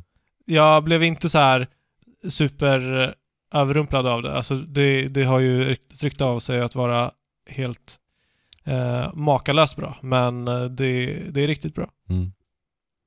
tycker jag. Ja, kul att se att de eh, jobbar på någonting i 3D. De tar det till nästa nivå, Fabian. Ja men precis. Mm. Det, har de gjort någonting däremellan? Nej, Eller? inte vad jag vet faktiskt. Det är nog nästa efter Hyperlight. Eh, Hitman Det 3. är ju typ... Oj. Jag har noll att säga om Hitman 3. Jag med. Eh, Jag är ledsen. jag tyckte inte om Hitman 2 särskilt mycket. Du och jag desperat eh, testade oss på det spelet Fabian. Det, sp- ehm, Men, Ja. ja. och man har ju hört så mycket gott om det. Jag, jag, jag begriper inte vad är det jag missar liksom. Men, eh, nej men, jag tror att vi är inte den typen av spelare på något sätt. Alltså, jag kan inte slappna av nog, tror jag. För att spela sådana här spel. Speciellt när man vet att liksom för att få ut mycket av det här spelet så ska du spela om säkert tio gånger. Och Ja. det, blir, det går inte jag igång på så mycket. nej, Alls. alltså jag gjorde inte det i det spelet i alla fall. Men, ja. Ja, ja. Men det är ju annorlunda om det är någon så här roguelike spel som är väldigt engagerande. Men det här är alldeles för långsamt och det är så här, du måste vänta, du måste så här. Och kontrollen var ju Jag är hemsk säker på, ja, men jag är säker på att om du liksom går in för det och lär dig alla rutiner och så Ja. vidare så, så, så är det nice. Mm. Men målet med spelet gör mig inte heller särskilt Nej, att, entusiastisk. att liksom. lönnmörda. Att- Ja, Olika mål liksom. Ja. ja, på olika sätt och så vidare. Ja. Sen fick vi se en liten, liten snabb kik på startup-skärmen för Playstation 5. Mitt i allt. Ja, just ja! Det, det fick vi. Ja, det ju, Nu måste jag försöka se hur den ser ut. Var den mäktig? Men kan inte du beskriva den? Vad sa du? Kan inte du beskriva den? Det, den är väl typ som, eh, eh, som Playstation 4 startup-skärmen. Den ser väl lite, Mm. Lite mer, lite kaxigare ut kanske. Det finns lite djup i den som inte finns i, Ja. i original. Eller i PS4. Sen är det eh, riktigt... Eh, ehm, vänta nu, hur låter... Jag för mig att det var någon så här... Någon musikslinga också, visst var det? Nu har inte jag ljud på, så jag kan inte lyssna. Men det var någon... De brukar alltid ha lite så här... Eh, or, ehm, vad heter det? Orkester, or, atmosfär, orkestrerad, eh, liksom. Atmosfär. Exakt. För mig att det var något sånt också. Men, men. Och Ja, sen Det det. Astros Playroom. Ja! Det här måste du ha blivit superglad över att se eftersom att eh, det var väl ett av dina favoritspel? Ja, precis. Astros Rescue Mission var ett av eh, det årets bästa spel för mig. När var det? 2018 det kom va? Ja, det var det. Uh, VR, Var det? VR-spelet. Det var helt otroligt bra tyckte jag. Och eh, det bästa VR-spelet jag spelat. Eh, och det här, Astros Playroom, är det spelet som kommer vara förinstallerat på alla Playstation 5-konsoler Ja. vid lanseringen. Och det är ju Team Asobi som utvecklar det, så det är samma, samma team. Och det gör ju mig jäkligt peppad och glad att se, för att jag vet efter att ha spelat Astros eh, Rescue Mission att det här kommer, vara, kommer att vara ett roligt spel. Och det lilla Ja. vi ser ser ju jäkligt kreativt och roligt ut. Och ja, alltså det ser lite ut som Mario Sunshine liksom. Ja, och, vi, lite och det, det ska vara ett spel som ska demonstrera vad DualSense-kontrollen är kapabel till, så det Ah, känns nice. jäkligt spännande. Och jag vet, Ja, jag vet och om att... alla får det liksom. Vad sa du? Det, det, om, all, om alla får det förinstallerat Ja, eh, så är det ett jäkligt gött bara så här gratis ja. Ja, content som du får. alltså.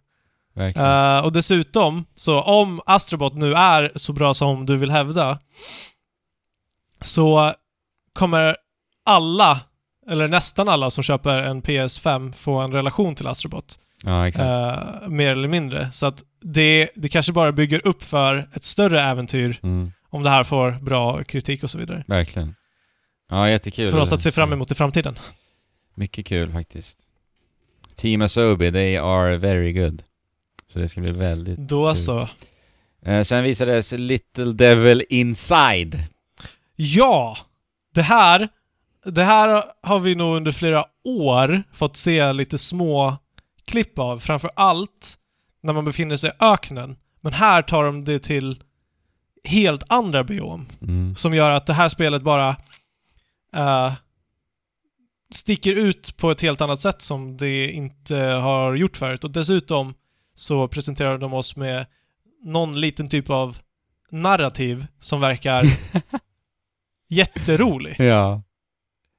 Verkligen. Och de ger verkligen en annan typ av eh, attityd till spelet överhuvudtaget. Det känns, det känns lite Zelda-aktigt i sitt, eh, i sitt äventyrande. Lite Monster Huntigt ut i sitt eh, i, i sin bossdesign och så vidare. Mm. Och ja, jag vet inte. Det ser så bra ut, men jag vet inte vad det vad det här spelet kommer att vara i slutändan. Nej. Det verkar ju som Eller att... hur det kommer vara det, upplagt. Det skiftas ju. Mellan att man, jag vet, ja, om man spelar en, det vet jag ju inte, men det är någon gammal farbror som ja, vandrar omkring i nutid typ. Och sen så Ja. sen spelar man någon, någon, eh, någon riddare i någon annanstans. Och det verkar väl vara att riddaren befinner sig på något sätt i den gamla mannens undermedvetna, typ. Jag vet inte, alltså för att du, det första som vi ser i den här trailern är eh, huvudpersonen som drar in ett monster till den här gamla gubben. Mm. Eh, så att jag... Jag tolkar det som att gamla gubben är eh, uppdragsgivare åt den här äventyraren. Ja, just det. Ehm, så att han på något sätt ehm, ger en uppdrag att gå ut och döda monster. I, eh, I världens alla olika hörn. För att, för att vi ser ju alla olika biom Mm. nästan. Alltså det är skog, det är under vatten, det är i eh, is, det är i öken, Mm. det är i berg. Ja, det ser, alltså estetiken är ju helt otrolig alltså. Den är så unik. Ja, och simplistisk, men, Få men polygoner. de har någonting. Det, det är någon Och det, Det jag, är en fingertoppskänsla som, Ja. som gör att, alltså om de, om de hade varit lite mer off så hade det där bara sett klonkigt ut. ja. Men det ser inte klonkigt ut. Ja, jag får lite inside-vibbar. På något sätt. visst, det är så här ljussättning Ja, och färg, grejer. färgpaletten på och det. färgskala. Ja. Eh, Ja. Och bara en sån sak att vi surfar på pingviner i öknen. Herregud, Fantastiskt. det är underbart. Och jag, musiken reagerade jag faktiskt på i den här trailern Ja. också. Det är sjukt bra musik. Jag fick lite så här Ja. musikalkänsla. Att det liksom... Att musiken spelas och formas baserat på vad som sker i trailern. Mm. Och det är en, en fiol som bara går bananas. så här, världens jävla slinga. Det var sjukt bra musik alltså. Så att det här, Ja. det här spelet var, det, det här var en av höjdpunkterna för mig också. Det ska bli väldigt intressant att se vad det här är för spel. Ja. För att, alltså, det vi, bara får, det vi får se i trailern är så bra monster. Ja. Eh, och liksom, är det open world eller är det liksom... Jag vet inte. Jag vet inte. ja. Men det ser bra ut. Verkligen. NBA 2K21.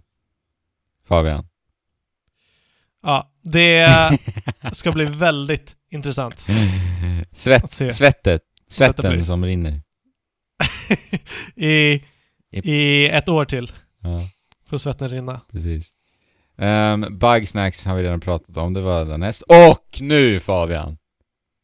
Nu. Demons Souls. Oh my god! Det är en tungvridare det där namnet alltså. För att, Demon Souls. ja men för att det är ju ett S innan du säger Souls. Ja, men du säger ju bara Demon Souls. Alltså, du skiter ju i att säga Demons Souls. Ja men visst blir det jobbigt när du ska säga det fullständiga namnet. Det blir det. Mm. Men Bluepoint tar den här klassiska, alltså nu är ju det här en eh, stor del av spelhistorien, Demon Souls. För det var Ja. Demon Souls som började eh, det som skulle bli en hel genre Mm. som kallas Souls-like. Precis. Souls-spel. Och, Eh, och Souls-spelen får vi väl säga är det senaste decenniets viktigaste spel ändå. ett av dem, Tve- definitivt. Tveklöst. Och det här var Eh. början. Och det är fast på Playstation 3 och det är väl ett spel som är ganska svårt att få tag på vad jag har förstått som också. Är det inte så? Svårt, jag vet inte. Eh, det är i alla fall ganska... Jag kan tänka... Nu har inte jag spelat det på eh, många år, men jag kan tänka mig att det känns Ja. väldigt stap, stapligt att spela också. Att det är svårt tillgängligt på det sättet. Mm. Vilket jag tror att Bluepoint kommer, kommer att fixa utan, utan problem. Ja, Bluepoint var ju de som eh, skapade Shadow of the Colossus-remaken som var helt otroligt bra. Så att eh, jag är inte orolig, de kommer göra det här bra alltså. Alltså det ser så bra ut. Ja. Herregud. Det ser så bra ut. Det är så fantasifullt. Redan här var det fantasifullt liksom. Ja, vi... Jag kommer ihåg att du trodde att det var eh, ett nytt God of War först. Ja! Det, det produktionsvärdet ser vi ju Ja. i Demon's Souls-remaken. För- Men är det någonting de kan så är det ju... Så eh, är det ju est est estetik. Bluepoint. Uppenbarligen. Ja, jäklar alltså. Men helt fantastiskt att se den här stora riddaren som tornar upp sig. Jag kommer inte ihåg vad han heter, men typ eh, Tower Shield. Ja, du kände igen lite bossar här, för du har ju spelat igenom drygt halva Demon's Souls, Ja. visst är det? Ja, det är halva. Eh, längre kom jag inte. Men Nej. för att det här var vid den tiden... Alltså det var ju första gången jag spelade någonting sånt här och jag försökte mig på det här säkert en 6-7 gånger Mm. eh, och började spela det seriöst. Men jag fattade inte hur man skulle spela ett sådant för att det var någonting helt nytt och revolutionerande. Mm. Eh, men det var fortfarande där någonting som drog. Mm. De här flygande Och nu är vi lite mer rockorna. rutinerade. De här flygande rockorna Fabian. Så ball alltså. Give. Fantastiskt. Och det verkar ju som att vi kommer få ännu ett nytt område i det här spelet. Jaha. För att Demon's Souls utspelar sig ju... Det är mer levelbaserat, att du eh, Mm. väljer en bana och sen så är den banan som ett område. Ah, Okej. Spännande. Ja, alltså jag är så peppad. Jag vet ju Ja. väldigt lite om Demon's Souls. Ja, Faktiskt. då, ska vi inte, då ska vi inte säga mer än vad som är nödvändigt. Det känns, jag tror det är många som vet ganska lite om Demon's Souls eh, generellt så. Så det är jäkligt kul Smart att se. grej. Ja, alltså, Smart verkligen. grej. För att det var ju lite snack om eh, att Bloodborne skulle remasteras, men det hade inte... eh, det hade inte alls haft samma effekt. Nej.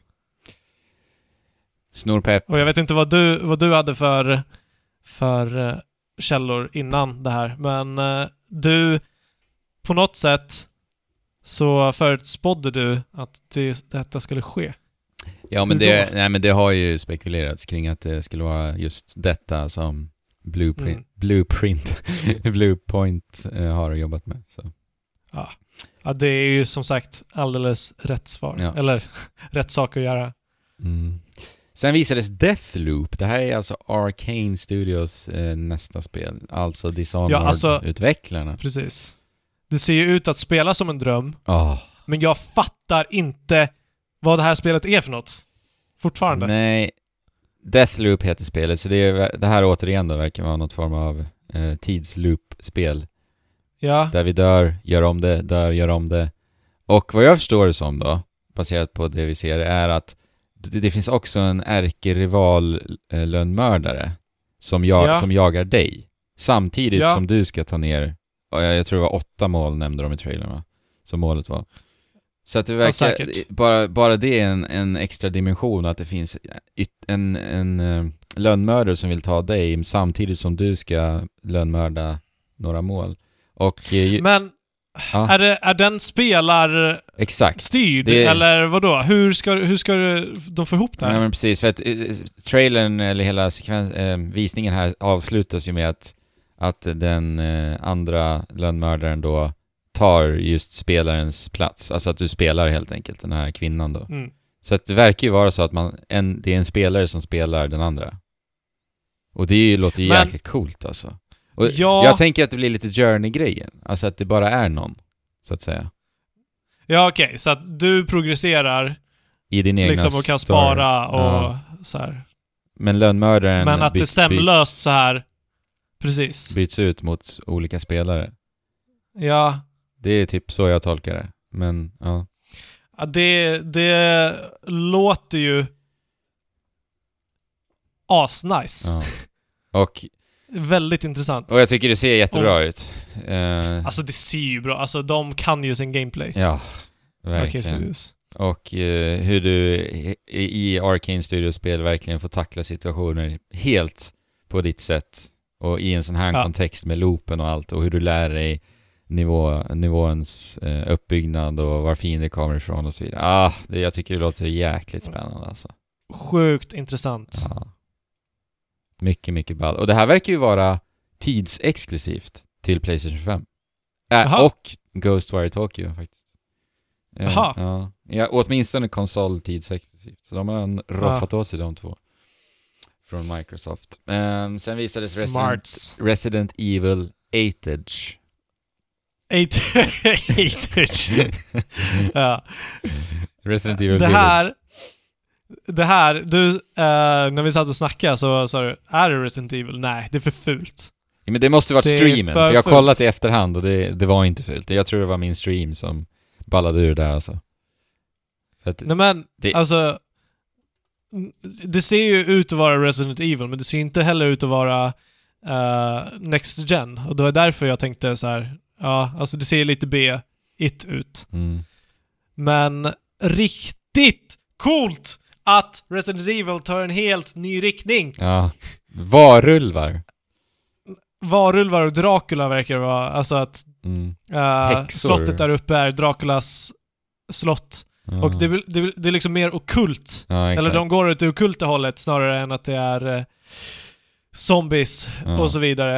Eh, nu har inte jag spelat det, nu har inte spelat ut Resident Evil 7, men det var ju zombieaktigt i alla fall. Ja. Uh, medan här, ah, det, det är välbehövligt. ja, alltså jag Och spelar ju inte skräckspel så jag kommer inte spela här men jag, jag tycker att verkligen att det ser, ser väldigt bra ut alltså. Det ser riktigt bra ut. Och fräscht liksom. Exakt. Verkligen så. Men, Att de vågar göra någonting nytt och inte bara stampa i samma gamla spår Ja. är ju riktigt nice. Sen så är jag också alldeles för harig för att klara av att spela utan sånt här spel, men det kanske är dags. för att det här, det här ser ju bättre ut än, än vad jag har tyckt att, att tidigare delar Mm. Har. Ja, det håller jag med. Verkligen. Eller, settingen är mer intressant. Mm. Verkligen. Sen visades också från Capcom Pragmata. Vad är det för spel? Det, Det såg ut som ett Kojima-spel tyckte jag. Det var det första Ja. jag sa. enda du sa genom, Ja. genom trailern sa ah, det är Kojima. ja. Det är Kojima. ja, men jag var typ bombsäker. Jo men, det, det hade lika gärna kunnat varit det. ja. Men tydligen Capcom, nytt, nytt IP från Capcom. Jag har faktiskt en bekant som har jobbat på det här spelet.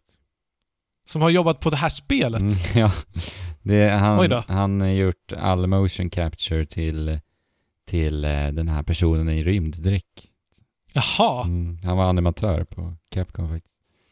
Jäklar vad sjukt. Ja, det är lite Men eh, det, det ser ju ändå så spännande ut tycker jag. Alltså det är något, Verkligen någonting spännande. med världen som känns... Ja men också mycket faktiskt. i- under den här, mycket spel som väcker fantasi alltså. Jag tycker verkligen Mm. det var genomgående under den här visningen. Jo men exakt. Det är inte bara grått och bombastiskt och... Och, shoot, nej, liksom. exakt! Det! Var är alla, alla krigsskjutare? Jag har, inte ens, Ja. jag har inte tänkt på det faktiskt. Det fanns ju inget. Nej, och det... Förhoppningsvis är vi borta från den Ja, det får, eran. precis. Det, det kommer vara Battlefield och Call of Duty och så får det vara så. Ja men de får vara där Ja. och de får... De, de får existera i sin egna lilla sfär, Ja. som de gör. Men som, som vi propagerar för alltid är att spel, du kan göra vad, vad som helst i spel. Ja. Så varför, varför låta det begränsas av vad som är verkligt? ja. Exakt. Men det här är ju liksom, det verkar som att det är en rymdbas, eller en månbas av något slag, Mm. eh, som, eh, som, som är i någon typ av dom, där en satellit kraschar, kraschar igenom domen och liksom gravitationen och allting bara försvinner. Och den här killen i eh, rymddräkten räddar den här lilla flickan, men de bara flyger ut i rymden för att rymden har ett oändligt vakuum och när de kommer ut från domen så blir allting bara tyst. Mm. För att det finns ingen, det finns ingen eh, luft i rymden som, som eh, ljudet kan propagera igenom. Den effekten är alltid så ljud. snygg alltså. Det är så jäkla nice. Kommer aldrig glömma det i Interstellar.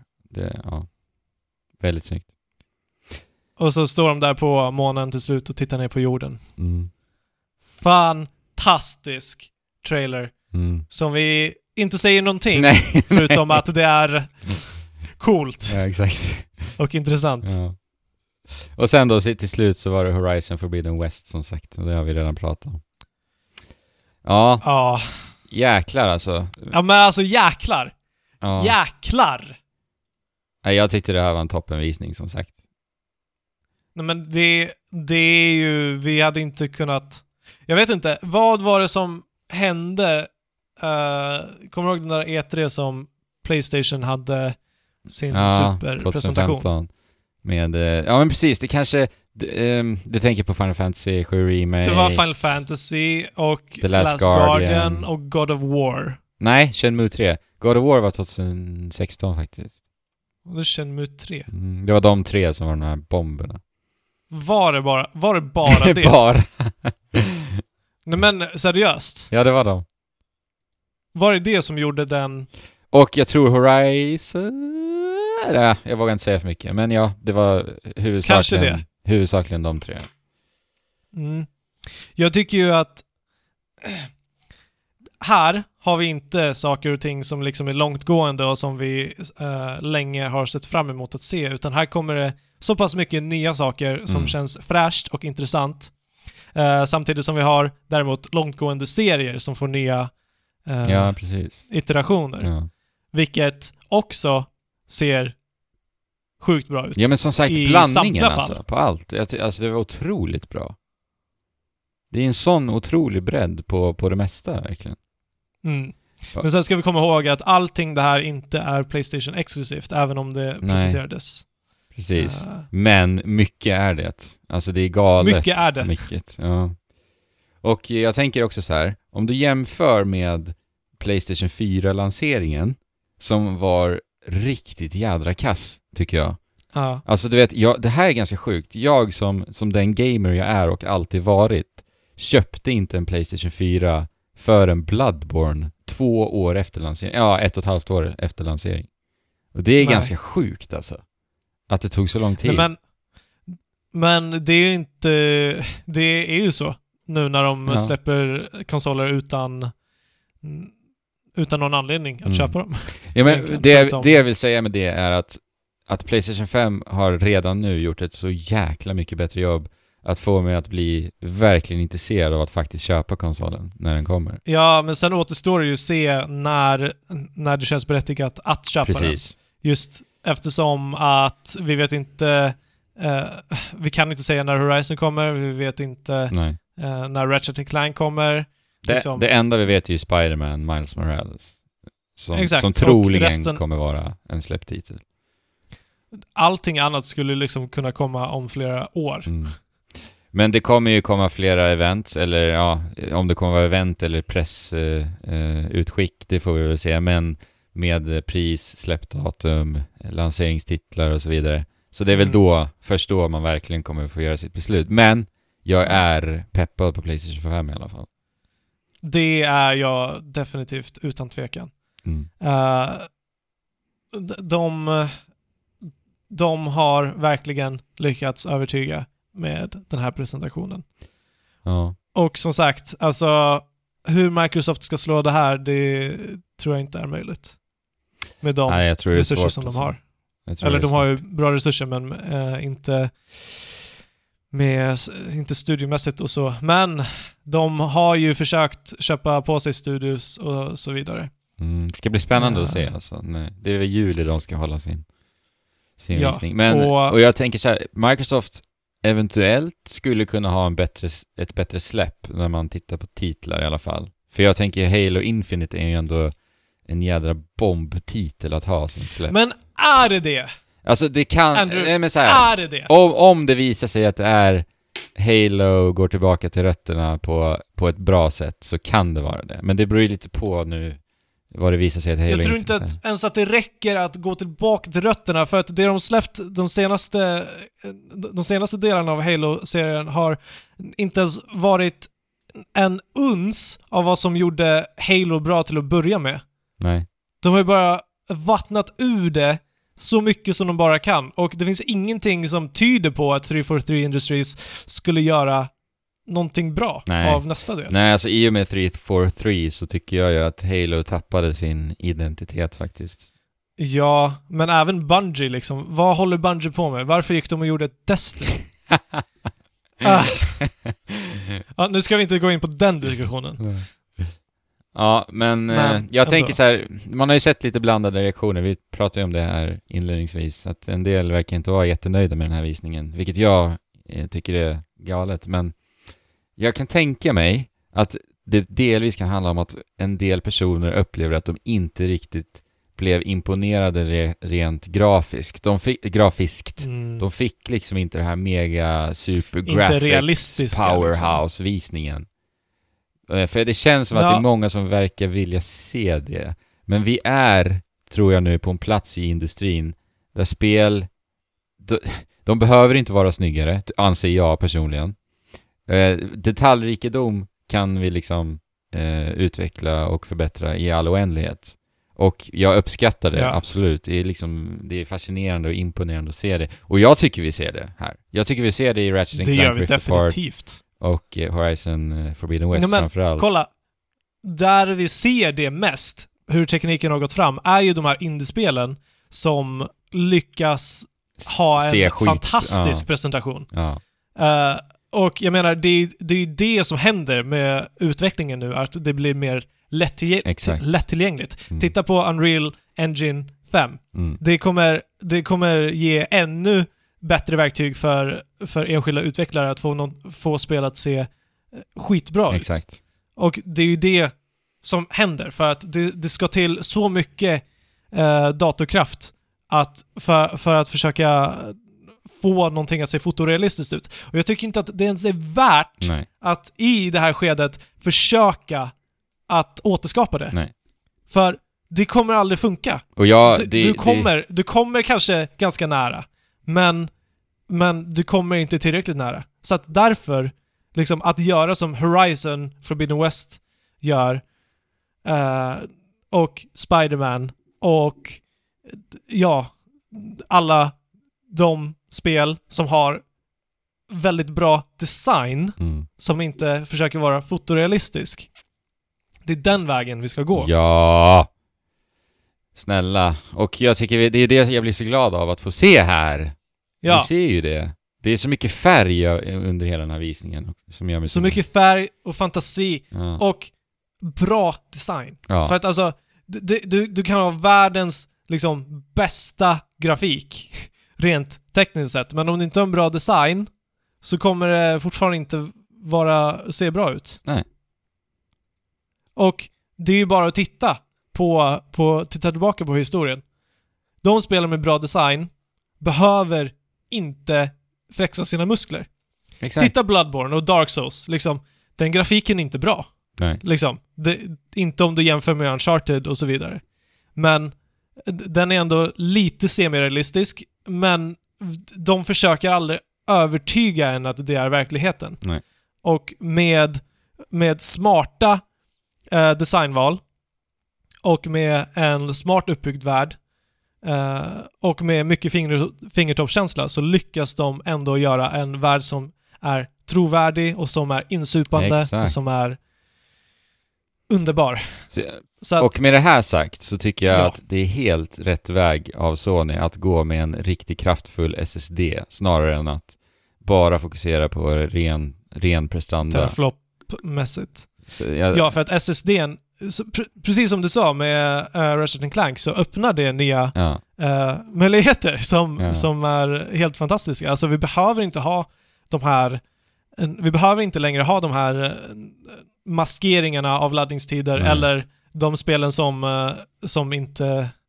eh, som skiter blotta fan i att maskera laddningstider. Det kommer Mm. bara poppa upp. Ja. Och vi, vi kommer kunna, som, som du sa, bara så här helt sömlöst gå från en värld till en helt annan på ett sätt Det är som så ballt ju. Det, det, är- det är ascoolt, Ja. som vi inte har fattat för nu, för att jag är dum i huvudet. Men det, det är ju helt eh, enormt. Ja. Och här ligger ju också Playstation i ett överläge till eh, Xbox, Mm. som, har, som är lite starkare men som inte har lika snabb SSD. Mm. Eh, deras SSD är ju typ hälften så snabb som Ja, det är så pass. PS5. Ja. Ja, jäklar. Nej, Uh, PS5 kommer upp i typ 5 GB i sekunden medan eh, Xbox Series X kommer upp i typ 2,5. Åh, jäklar. Ja, det gigabyte i sekunden. alltså. Det är mycket data fortfarande, men... eh, eh, och därför, av någon anledning, så typ så här för att för att de skulle få den storleken så har Playstation, nej den snabbheten, så har Playstation 5 den här jättekonstiga, är det 865 gigabyte Mhm. eh, hårddisk på sig. Aha. Som, eh, det har någonting med teknisk magi bakom, eh, magi är det väl inte, men... eh, Eller? eh, Teknik är magi Fabian. ja, ja, exakt. Mm. Men, någonting vi inte pratat om är de två olika versionerna av Playstation det. 5. Precis. Nu kommer alltså Här- en digital edition.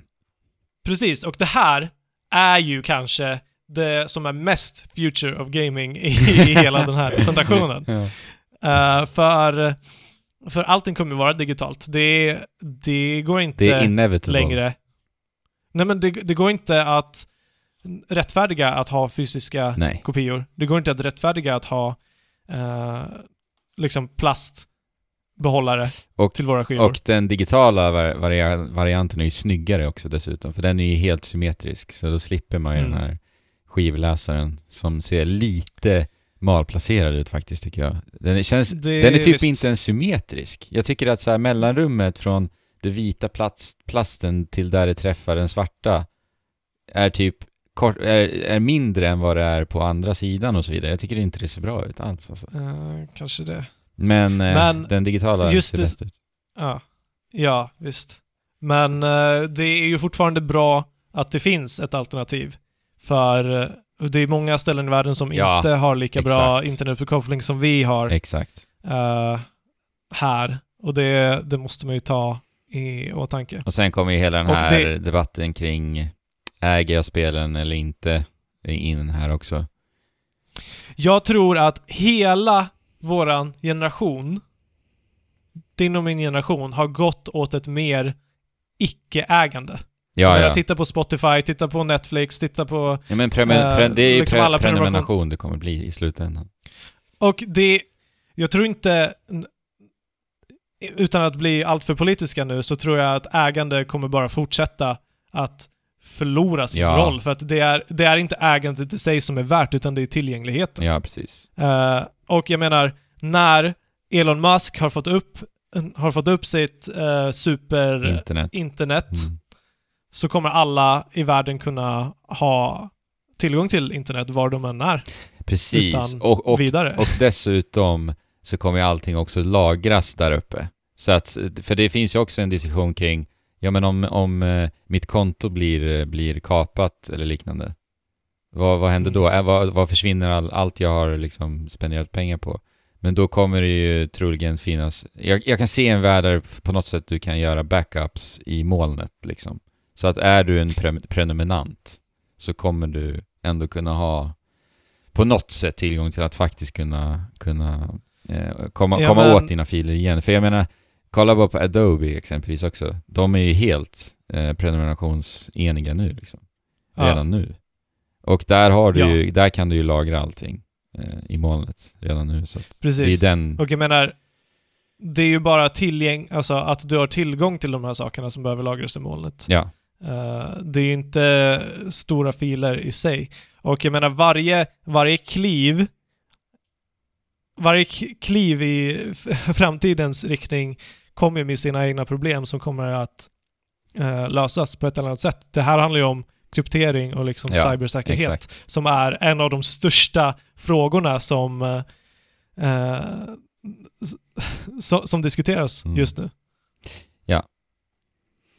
Men det är, det är ditåt vi rör oss och det här är väl ett, det är väl en mellan, ett mellanting här. De erbjuder bägge helt enkelt.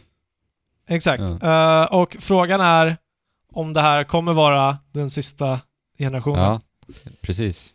Eh, I alla fall den sista generationen av eh, konsoler. För att jag kan tänka mig att om tio år så är allting Google Stadia-aktigt. Mm. Att, att ingen behöver ha sin egen hårdvara ens, utan att alla kan Ja. spela på molnet. Men i, i, med- med allt vad vi har sagt nu, eh, här i slutorden när vi diskuterar det här, så tror jag faktiskt att Playstation 5-generationen kan bli jäkligt lång alltså. Det kan den bli. Alltså den, den siktar nog på runt tio år, Ja, jag tror nog det faktiskt. För att sen då, tror jag. kom, för att de kommer ligga alldeles för nära det här skiftet vi pratar om, när det har gått liksom sju år nu. När det egentligen skulle komma en ny konsol om man säger så. Och så kommer de bara pusha det lite längre tills att den tekniken verkligen är framme. Typ. Ja, men på något sätt så tror jag att liksom PS6 kommer vara en tjänst, Ja. helt enkelt. Mm. Eh, och det kommer inte heta PS6. Och det kommer på något sätt sömlöst gå över från den här generationen. Ja, exakt. Eh, att du kommer liksom först kunna spela alla PS5-spel Mm. eh, till att börja med på den här tjänsten. Och alla...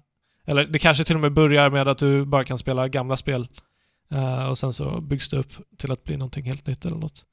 Mm. Men det får vi se. Jag vill bara kommentera designen på Playstation 5 som är dålig Mm. för att den behöver ett stöd att kunna stå upp eller ligga ner.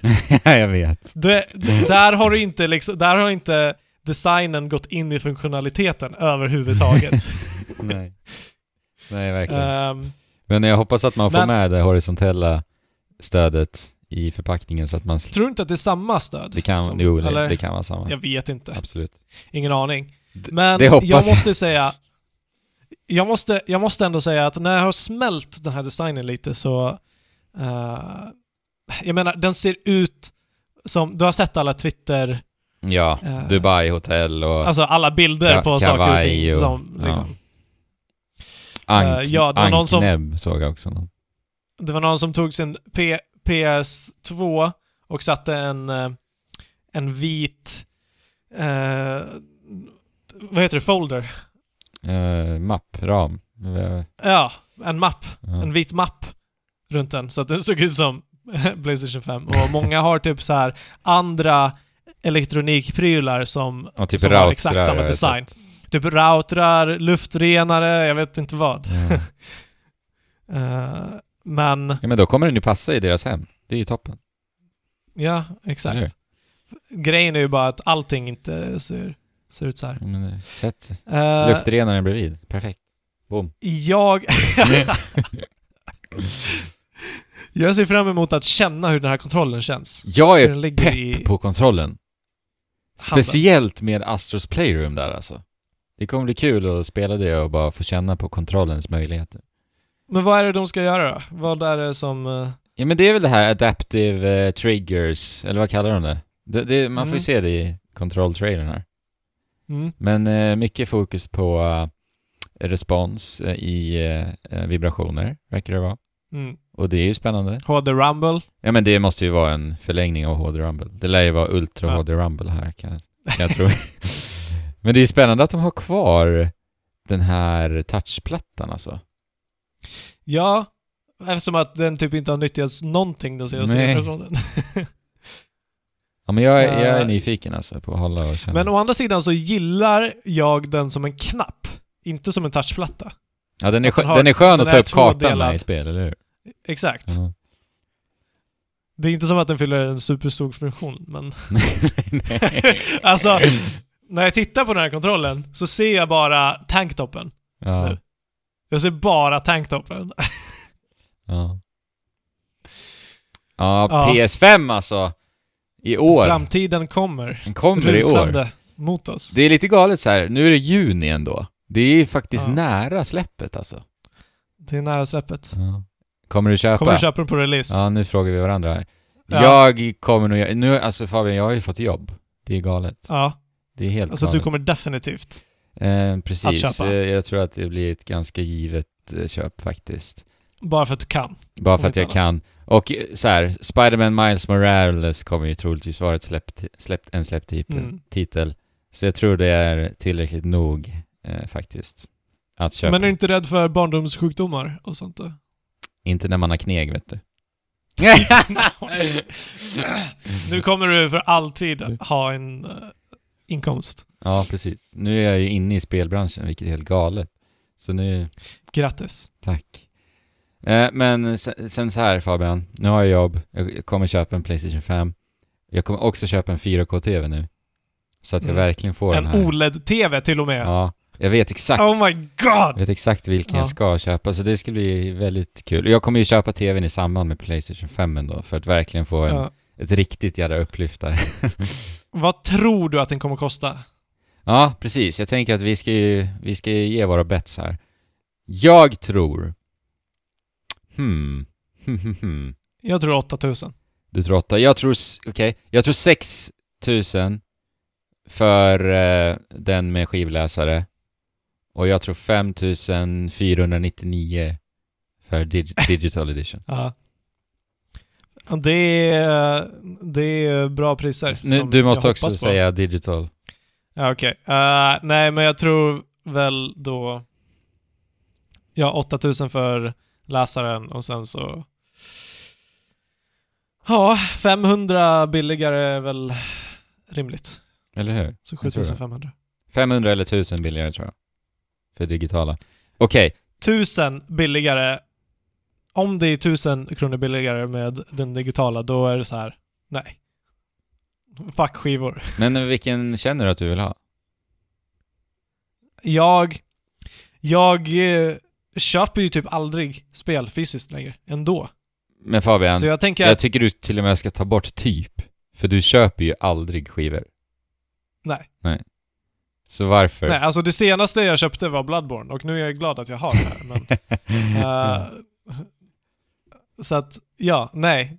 Exakt. Jag köper aldrig skivor så att jag ska ta steget mot framtiden och bara Mm. ha digital. Ja, jag kommer också köpa den digitala, tveklöst. Det enda jag tänker är att du vet, när vi har våran podcast så brukar vi få så här promo-skivor som recensionsexemplar. Ja, just det. Men, kanske, jag tänker att, att utgivarna och de vi, eh, vi får våra spel av kanske också tar steget att inte skicka ut dem nu framöver helt enkelt. Ja, och, frå- och frågan är om du nu inte kan, alltså med digital edition, att om du, du kan köpa en skiva eh, och ett fodral, men du får en kod med, Ja, som funkar till båda. Ja, Alltså som gör att du kan redeema spelet också. mm, just det. Eh, Så att du kan köpa liksom de som du verkligen vill ha för, att, för din fåfängas skull. Liksom. Just det. Eh, Mm. Och ha begäret. Ha Så begärt. kan det vara. Men eh, det återstår att se. Hur kommer det sig att du tror att den är så billig? Nej men, billig är den ju inte. den är 6000. Men Playstation 4 kostade ju... vi- Visst var det typ, jag minns inte nu, men det var väl runt Minns inte 4 det heller, 5 men det var väl 5000? Ja, det kanske var 5 jag det var väl det. 5000? Jo, det var nog 5 va? Upp mot tror 5. det. Och jag tror att den kommer vara definitivt dyrare än Playstation 4. 6 kanske är lite litet, men jag säger 6 alltså. Ja men säg 6. Ja. Så säger jag 8. Och sen så hamnar det säkert någon, någonstans där. Ja. Det är mycket pengar. Det, 8 är mycket pengar. Ja. Om det är 8000 så kommer det svida eh, lite för mycket. Om, det inte, om de inte kommer med någonting eh, förvånansvärt på releasen. Alltså, jag tänker så här, om jag köper en Playstation 5 med en ny 4K-TV här nu då, när det släpps, kommer jag palla med min Nintendo Switch fortfarande då? Du kommer palla med den. Om jag, kommer jag palla spela Nintendo Switch? Kommer jag sprängas av hur, hur, hur spelen ser ut på PS5 och med 4K? Det är ju frågan alltså. Alltså för att grafiken är ju så central i hur, hur bra spel Ja, hur exakt, det är det jag tänker. Spelar. Det är det jag Så tänker. att jag menar, när du blir sprängd av, av den här grafiken och den här som, som spelas upp på 4K, Då kommer jag inte kunna Det spela Breath of Det the kommer Wild nog vara svårt. 2 sen. Nej. Du kommer nog, du kommer nog titta på det och bara, eh, alltså... Det här går ju inte att spela. Kantutjämningen, här, den är lite... Ah, ni, tveksam. Ja. Jag vet inte. eh, jag lägger nog ner där. ja. Ja men pepp alltså. Kul. Kul! Ja, alltså vi behöver lite goda nyheter nu. Jag tror att... Jag tror att jag är lite mer mottaglig för goda nyheter och hype nu Verkligen. än vanligtvis. Verkligen. Ja, men det är därför jag också, det jag nämnde i början här av avsnittet, att jag tillät mig att vara hypad väldigt mycket här. Mm. Det var också lite på grund av såklart det här året som har varit helt galet. Mm. Men ja, jävligt, jävligt kul, spännande, exciting times Fabian. Exciting times indeed. Att det Och kommer. nu ser vi fram emot nästa reveal av Xbox Series X. Ja! Och den, den första, eh, det första evenemanget de hade, uh, alltså, ja, det var ju sömnpiller. Alltså ställ det här sida vid sida med det. Men det går inte. Jag menar, jag menar, ah. De visade inte ens gameplay på Assassin's Creed som de Som de hade, ja, det är faktiskt helt sjukt. Men eh, det jag också tänker Ja. nu under den här sommaren så har det så här drip-feedats ut annonseringar av nya titlar och jag hänger inte med. Jag hänger inte med i vad som händer. Det bara släpps nya trailers på nya spel typ hela tiden just nu. Det är skitjobbigt. Nej, men, ja, och nu, nu i dagarna så har det varit PC Game Show Och Gorilla Ah. Collective. och Guerrilla Collective. Jag har ingen och koll. jag tittade... Nej, men jag har tittat lite typ så här. Och mycket är sånt som vi känner igen från tidigare eh, och grejer som gör att det, det är svårt att motivera sig att lägga den tiden på att titta på de här eh, presentationerna ja. riktigt. Eh, Jag saknar E3 av den här anledningen. Det är det jag vill säga. Precis. Ja. Faktiskt. Så att jag tror att jag tror att Dripfeed, i alla fall för för, X, eller för Microsofts skull och Sonys skull, inte riktigt spelar till deras fördel. Av den anledningen. Om de inte kan samla allting i ett. Ja men nu fick vi ju liksom en samling här liksom. I, Ja. och det var ju väldigt trevligt. Då hänger jag med, men annars... ja jäklar. Nästan två timmar Ja. Playstation 25. Det här var ju skitkul alltså. Jag känner mig Ja. peppad på Läng- spel. vi pratade längre om det här än vad presentationen var. Ja, det var väl en, en timme och en Eh, kvart någonstans. Yes. Jag tycker att vi, vi smäller ihop de, denna podcast Fabian. Vi hade lite spel att prata om, men jag tycker vi tar det till nästa avsnitt. Ja men det kan vi, det får vi spara. Och då har vi också nassat lite på The Last of Us Part 2 förhoppningsvis. Jag, Har vi det? jag vill ju att du ska spela det Fabian också. Kan inte Men du gå... jag gå, vill inte spela Nej det. men kan du inte göra det? Kan du inte gå in för att spela det så vi kan diskutera det tillsammans? För det känns som ett spel som känns trist att diskutera själv med er, att bara jag har spelat det. Snälla alltså. Det är ändå ett... eh, Jag tror att det kan vara ett kul spel att diskutera. ja, Ge, det- det ge kan det en vara chans bra att diskutera. Okej, Och så strunt i allt du spelar nu ett tag och bara ge det en chans. Tänk att du ska gå in för The Last of Us Part Mm. 2. som jag gjorde för Final Fantasy. Ja. Snälla. Mm, Det blir kul. Visst. Förhoppningsvis Visst. får vi det till helgen. Men vi får se. Får. Det får ni svar på till Mm. nästa avsnitt. Nu är jag jätte Jag med! Alltså jag håller på att explodera. Så att nu säger vi så här. Spela på allihopa och chip, Shula! hopp!